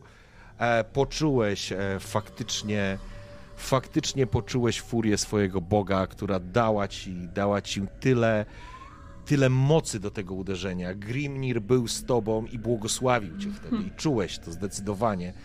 Więc szczerzysz te zęby i faktycznie, Anna, ty możesz go teraz e, opatrzeć. E, Dorben i Valerii wiecie, że to nie jest dobry... Nie byłoby dla was zdrowo zostawanie w tym lesie dłużej, niż to e, jest konieczne. A tak szybko, ja mam jakiś modyfikator do tego leczenia? Tak, ty masz chirurgię, więc e, m- Plus masz, 10 na pewno. masz plus 10 i możesz go po prostu w ten sposób zacząć łatać. E, Mhm. ewentualnie możesz dać mu też e, tą papkę, którą przygotowałaś, tą, to, to ciastko. Y, tak, ale to papkę to jak mi leczenie słabo wyjdzie. Dobrze, w porządku. Więc zacznę. Pięknie, super. E, Weszło i w takim razie korzystasz ze swojej umiejętności. Ile masz punktów życia, e, Gloim? Trzy czy więcej? Teraz mam aktualnie 6. A jak masz sześć, to w porządku. To K10 rzucasz i tyle punktów życia mu przy, e, przywrócisz. Jeden. No nie, no mam nadzieję, że nie będzie jeden. Dwa. Ale Dobra, jest daję mu tą lepiej. papkę. Jest, Daję mu tą papkę. jest coraz lepiej. Okej, w porządku. E, zatem Plus ta papka. Anna, Anna próbuje cię opatrzyć, dezynfekuje te rany, próbuje zatamować krwawienie, również daje ci po prostu do ręki taką kulkę, która śmierdzi straszliwie, wygląda jak kulka po prostu, wiesz, e, krowiego łajna. Co to jest? Śmierdzi jak ten knur. Podobny do Waleriego. To jest coś, co ci postawi się. cię na nogi i... I nie jest to alkohol, więc zaufaj mi i po prostu to zjedz. Eee, mam to wziąć do ust? Gorzej, masz to tak- przełknąć. Pierwsze jedzenie tego dnia. nie masz. Banda psychopatów. E. To co, panie krasnoludzie, jemy? Mam inne wyjście. Nie no, okej, w porządku. E, więc jak zaczynasz Patrzę na Waleriego i tak przyłykam. I odwracam głowę. Okej, Valerii e, z nieskrywaną radością na to patrzy. Chcę tylko powiedzieć, że śmierdziało i było bardziej obrzydliwe. Inaczej, było bardziej niesmaczne niż śmierdziało, więc obrzydliwość e, straszliwa, ale faktycznie po chwili, kiedy zacząłeś rzuć to i przełykać, poczułeś, że ból zaczyna, mm, zaczyna odchodzić, tak jakby e, mocno, mocno, mocno, mocno cię, że tak powiem, znieczuliło. Suma summarum, e, po akcji Anny możesz sobie dopisać 6 punktów życia. I szanowni, e, 23.15, czy opuszczacie mglisty las, czy zagajnik, czy jeszcze chcecie rozbić tu obóz na przykład? Do wozu. Opuszczamy. Nie. A ja chciałbym się rozejrzeć. Okej. W takich miejscach na stanicy duchy są. Lepiej nie zostawać. Chcecie się rozejrzeć po tych trupach, bo możecie przejrzeć te ewentualnie trupy, jeżeli chcecie. Wiesz co, ja chciałbym się rozejrzeć e, pod kątem trupów i ich e, dobytku. W Po porządku. czerwiach. Okej. Ja pójdę też za, za Gloimbenem, bo no, krasnoludzka toporność raczej niekoniecznie Tak, może... jak lutować to wszyscy, przecież jasna sprawa, przecież zawsze coś może wypaść. Ile złota wypadło? Dobra, słuchajcie, ja to y, prze, przeskoczę, żebyśmy to po prostu przeskoczyli.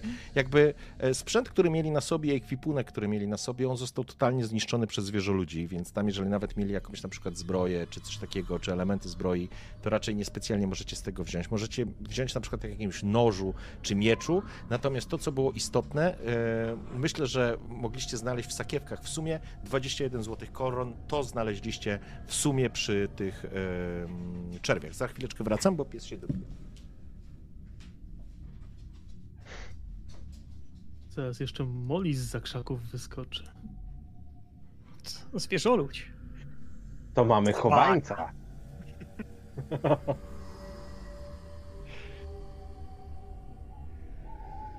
No to teraz Gloimben rumaka sobie sprawić musisz.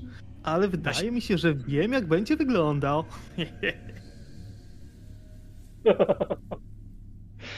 Na dalekiej północy to takie mieli jeszcze włochate. Kłami, żebyś mógł je jeszcze trzymać z przodu. E, dobrze, kochani, słuchajcie, więc e, e, kto bierze kasę, czy jakoś się dzielicie, e, to jest em, wasza decyzja. Było 21 koron, zakładam, że wybywacie z tego zagajnika. czy wracacie jeszcze do miasta, czy jedziecie bezpośrednio? Ale jeszcze Glo Gloimben chciałby przygarnąć tego sabakę, który się kręcił. Nie, nie, to te duchy, wiesz, to te duchy tutaj razem, e, wiesz, potępieńczo wrzeszczące. Może był jakiś pieseczek, który latał taki czarny z pytą do góry, zadowolony z życia i go zeżarło coś. No kto wie, kto wie, nie? Także, mm, okej, słuchajcie. Jedna rzecz, która... Będziemy? To są chyba już na wozie, na razie wyjdźmy stąd. Jedna rzecz, która Anna, e, jakby ty zos, jakby Ja już mam swoją perełkę. Tak, masz swój topór z powrotem, więc odzyskałeś go, e, więc e, tu jest ok. Ktoś niech wpisze sobie tą kasę, żeby ona po prostu była, żebyście pamiętali o tym. I teraz tak, kiedy opuszczacie ten las, Ja sobie ostrzę, czyszczę tą perełkę. ok, e, ale zakład... kiedy idziecie już w kierunku wozu i opuszczacie ten las, Anna, ty jeszcze tylko rzucasz okiem na te dziwy, które tak naprawdę przez, przez tą adrenalinę, przez walkę, przez pojedynek z tymi postaciami, e, przez chwilę byłaś wolna od tego, ale masz wrażenie, że te obrazy się na ciebie nakładają, że widzisz, jakbyś widziała z dwóch różnych ujęć to samo miejsce. I jedno jest zwyczajne, a drugie, po drugim błądzą dziwne światła i cienie. Zostawiasz za sobą las i kiedy tylko wychodzisz z tamtego miejsca, wszystko wraca do normy. Okej. Po czym zakładam, że ładujecie się na wóz. Teraz tylko pytanie. Przeskoczę na chwileczkę na mapę, żebyście mogli zobaczyć, Mhm. gdzie jesteście. Bo jakby to było tutaj, na tej wysokości. I teraz wasz kierunek to jest tak naprawdę. Mm, wy musicie dotrzeć pod Gorownej, czyli, e, czyli musicie dotrzeć tutaj. Czyli jakby pierwotną waszą drogą była e, droga przez Miłkawałę i później pod Gorowny, gdzie, Gorownej, gdzie znajduje się wioska, e, czyli Tirsa o nazwie Krutaja, do której tak naprawdę zmierzacie. I tam teoretycznie, to znaczy teoretycznie, tam się umówił z wami e, Fedor, i to jest również Tirsa, do której zmierza mm, Dorben. Natomiast z kolei dla Anny i, i dla, mm, dla Krasnoluda to tak naprawdę jeden czort, w którą stronę pojedziecie, skoro i tak będziecie w Kislewie. E, Bo Tak. jakby z waszego punktu widzenia na tą chwilę nie ma to większego znaczenia. Więc teraz e, tylko pytanie, czy wracacie po prostu, czy chcecie wrócić do e, miasta, do tego Blumer, czy po prostu jedziecie na tą Milka, Miłkawalę? Miłkawala to jest też miejsce, w którym jest e, em, duża świątynia Darza. No i jest to już Kislew. To myślę, mamy że nie ma sensu wracać. Traktu się trzymamy, nie będziemy przebijali się przez las przecież. Z wozem? Jak? Okej. A Godzina jest taka, że za, myślę, że już zapada powoli zmierzch, więc rozumiem, że po prostu wracacie na trakt i będziecie jechać na e, Miłkawalę. Mhm. W porządku. Zgadza się. Okej. Ja sobie przeskoczę tu przełączymy sobie to i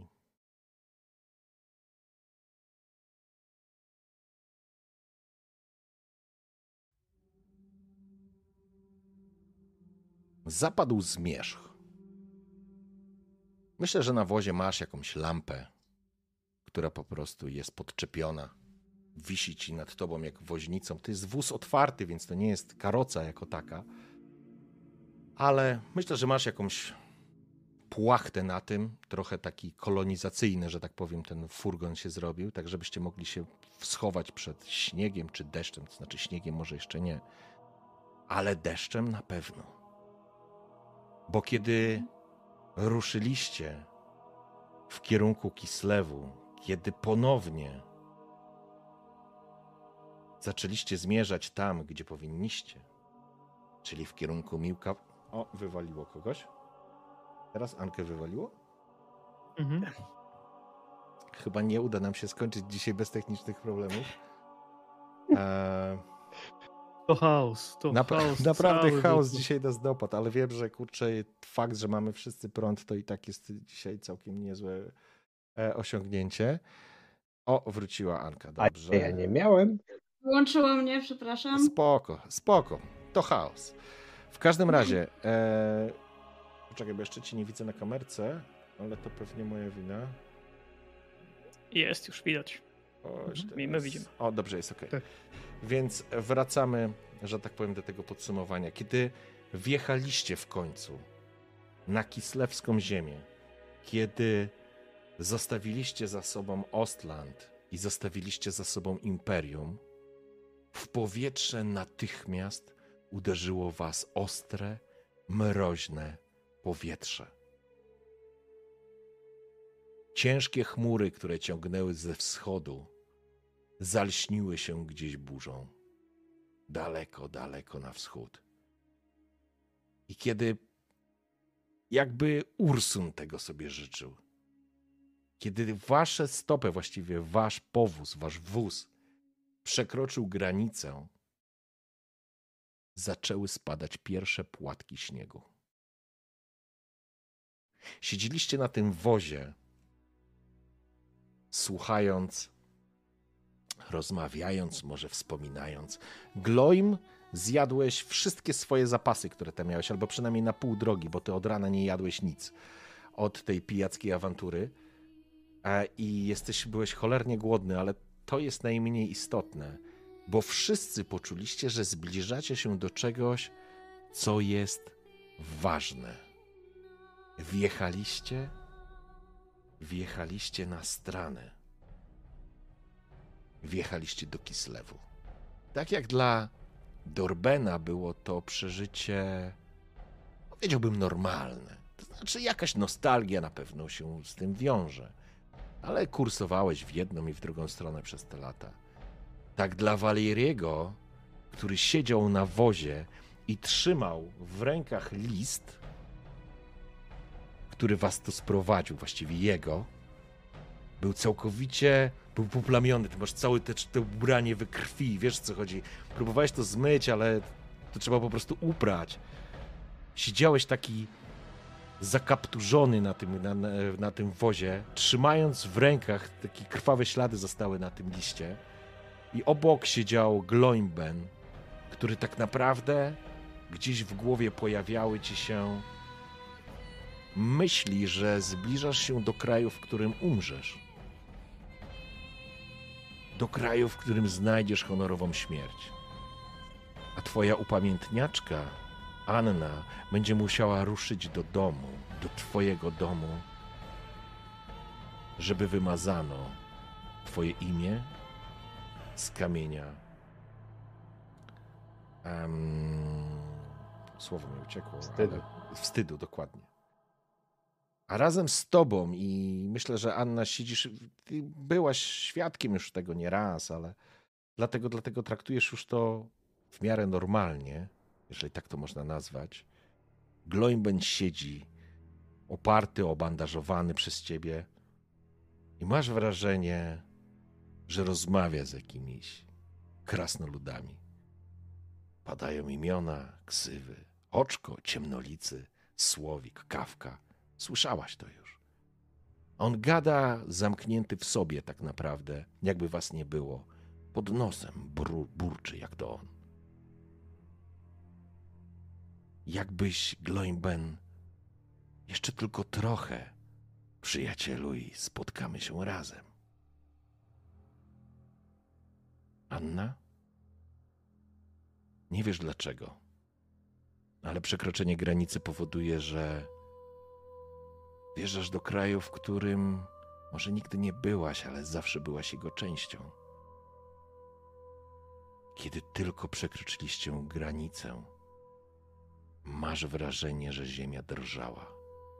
Masz wrażenie, że wśród ciemności, wśród stepu, coś potężnego bardzo powoli oddycha. Jakbyś to słyszała, jakbyś widziała na stepach unoszące się te ferie barw, ale one są jakby inne.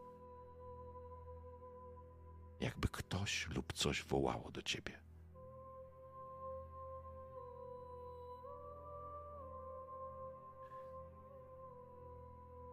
Na koniec pozwolę sobie jeszcze dwie rzeczy zrobić, bo to już jest e, koniec naszej sesji. Pierwsza rzecz. Dostrzegacie wśród ciemności na takiej jakby wieży. Dorben doskonale wiesz, co to jest za wieża. Wiesz, że to jest. mm, że dojeżdżacie powoli do Miłkawały i tam głównym budynkiem jest świątynia Darza, o której mówili, że od wieków tam nie zgasł płomień i dlatego ten płomień ochronił tą stanicę przed falą chaosu. I jak latarnia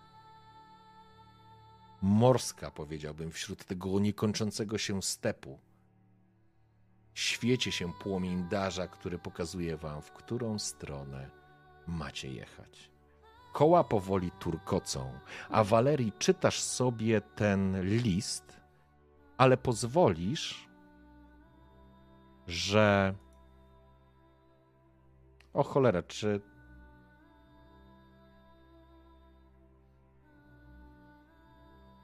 Ale jaja, powiedzcie, sorry czaty, czy słyszeliście tekst na lecący na, na, na streamie? Bo teraz zgłupiałem, mam wrażenie, że to leciało, ale, ale nie, nie mogły lecieć. O, dobra, nie, sorry, sorry, zamieszałem. Czytasz Walerii sobie list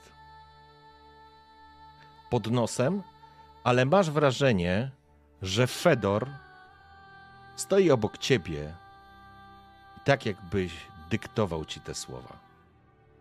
Włączcie sobie stream. Bo może nawet Walerii sobie. Pyta, to jest decyzja twoja. E, Czytasz sobie to na głos, tak, e, tak żeby słyszeli to, czy czytasz sobie to w głowie? Czytam sobie to tak półgębkiem, e, tak jakby nie dochodziło do mnie to, że mogą słyszeć, tak żebym ja to słyszał przede wszystkim, a oni to nieistotne. W porządku? W każdym razie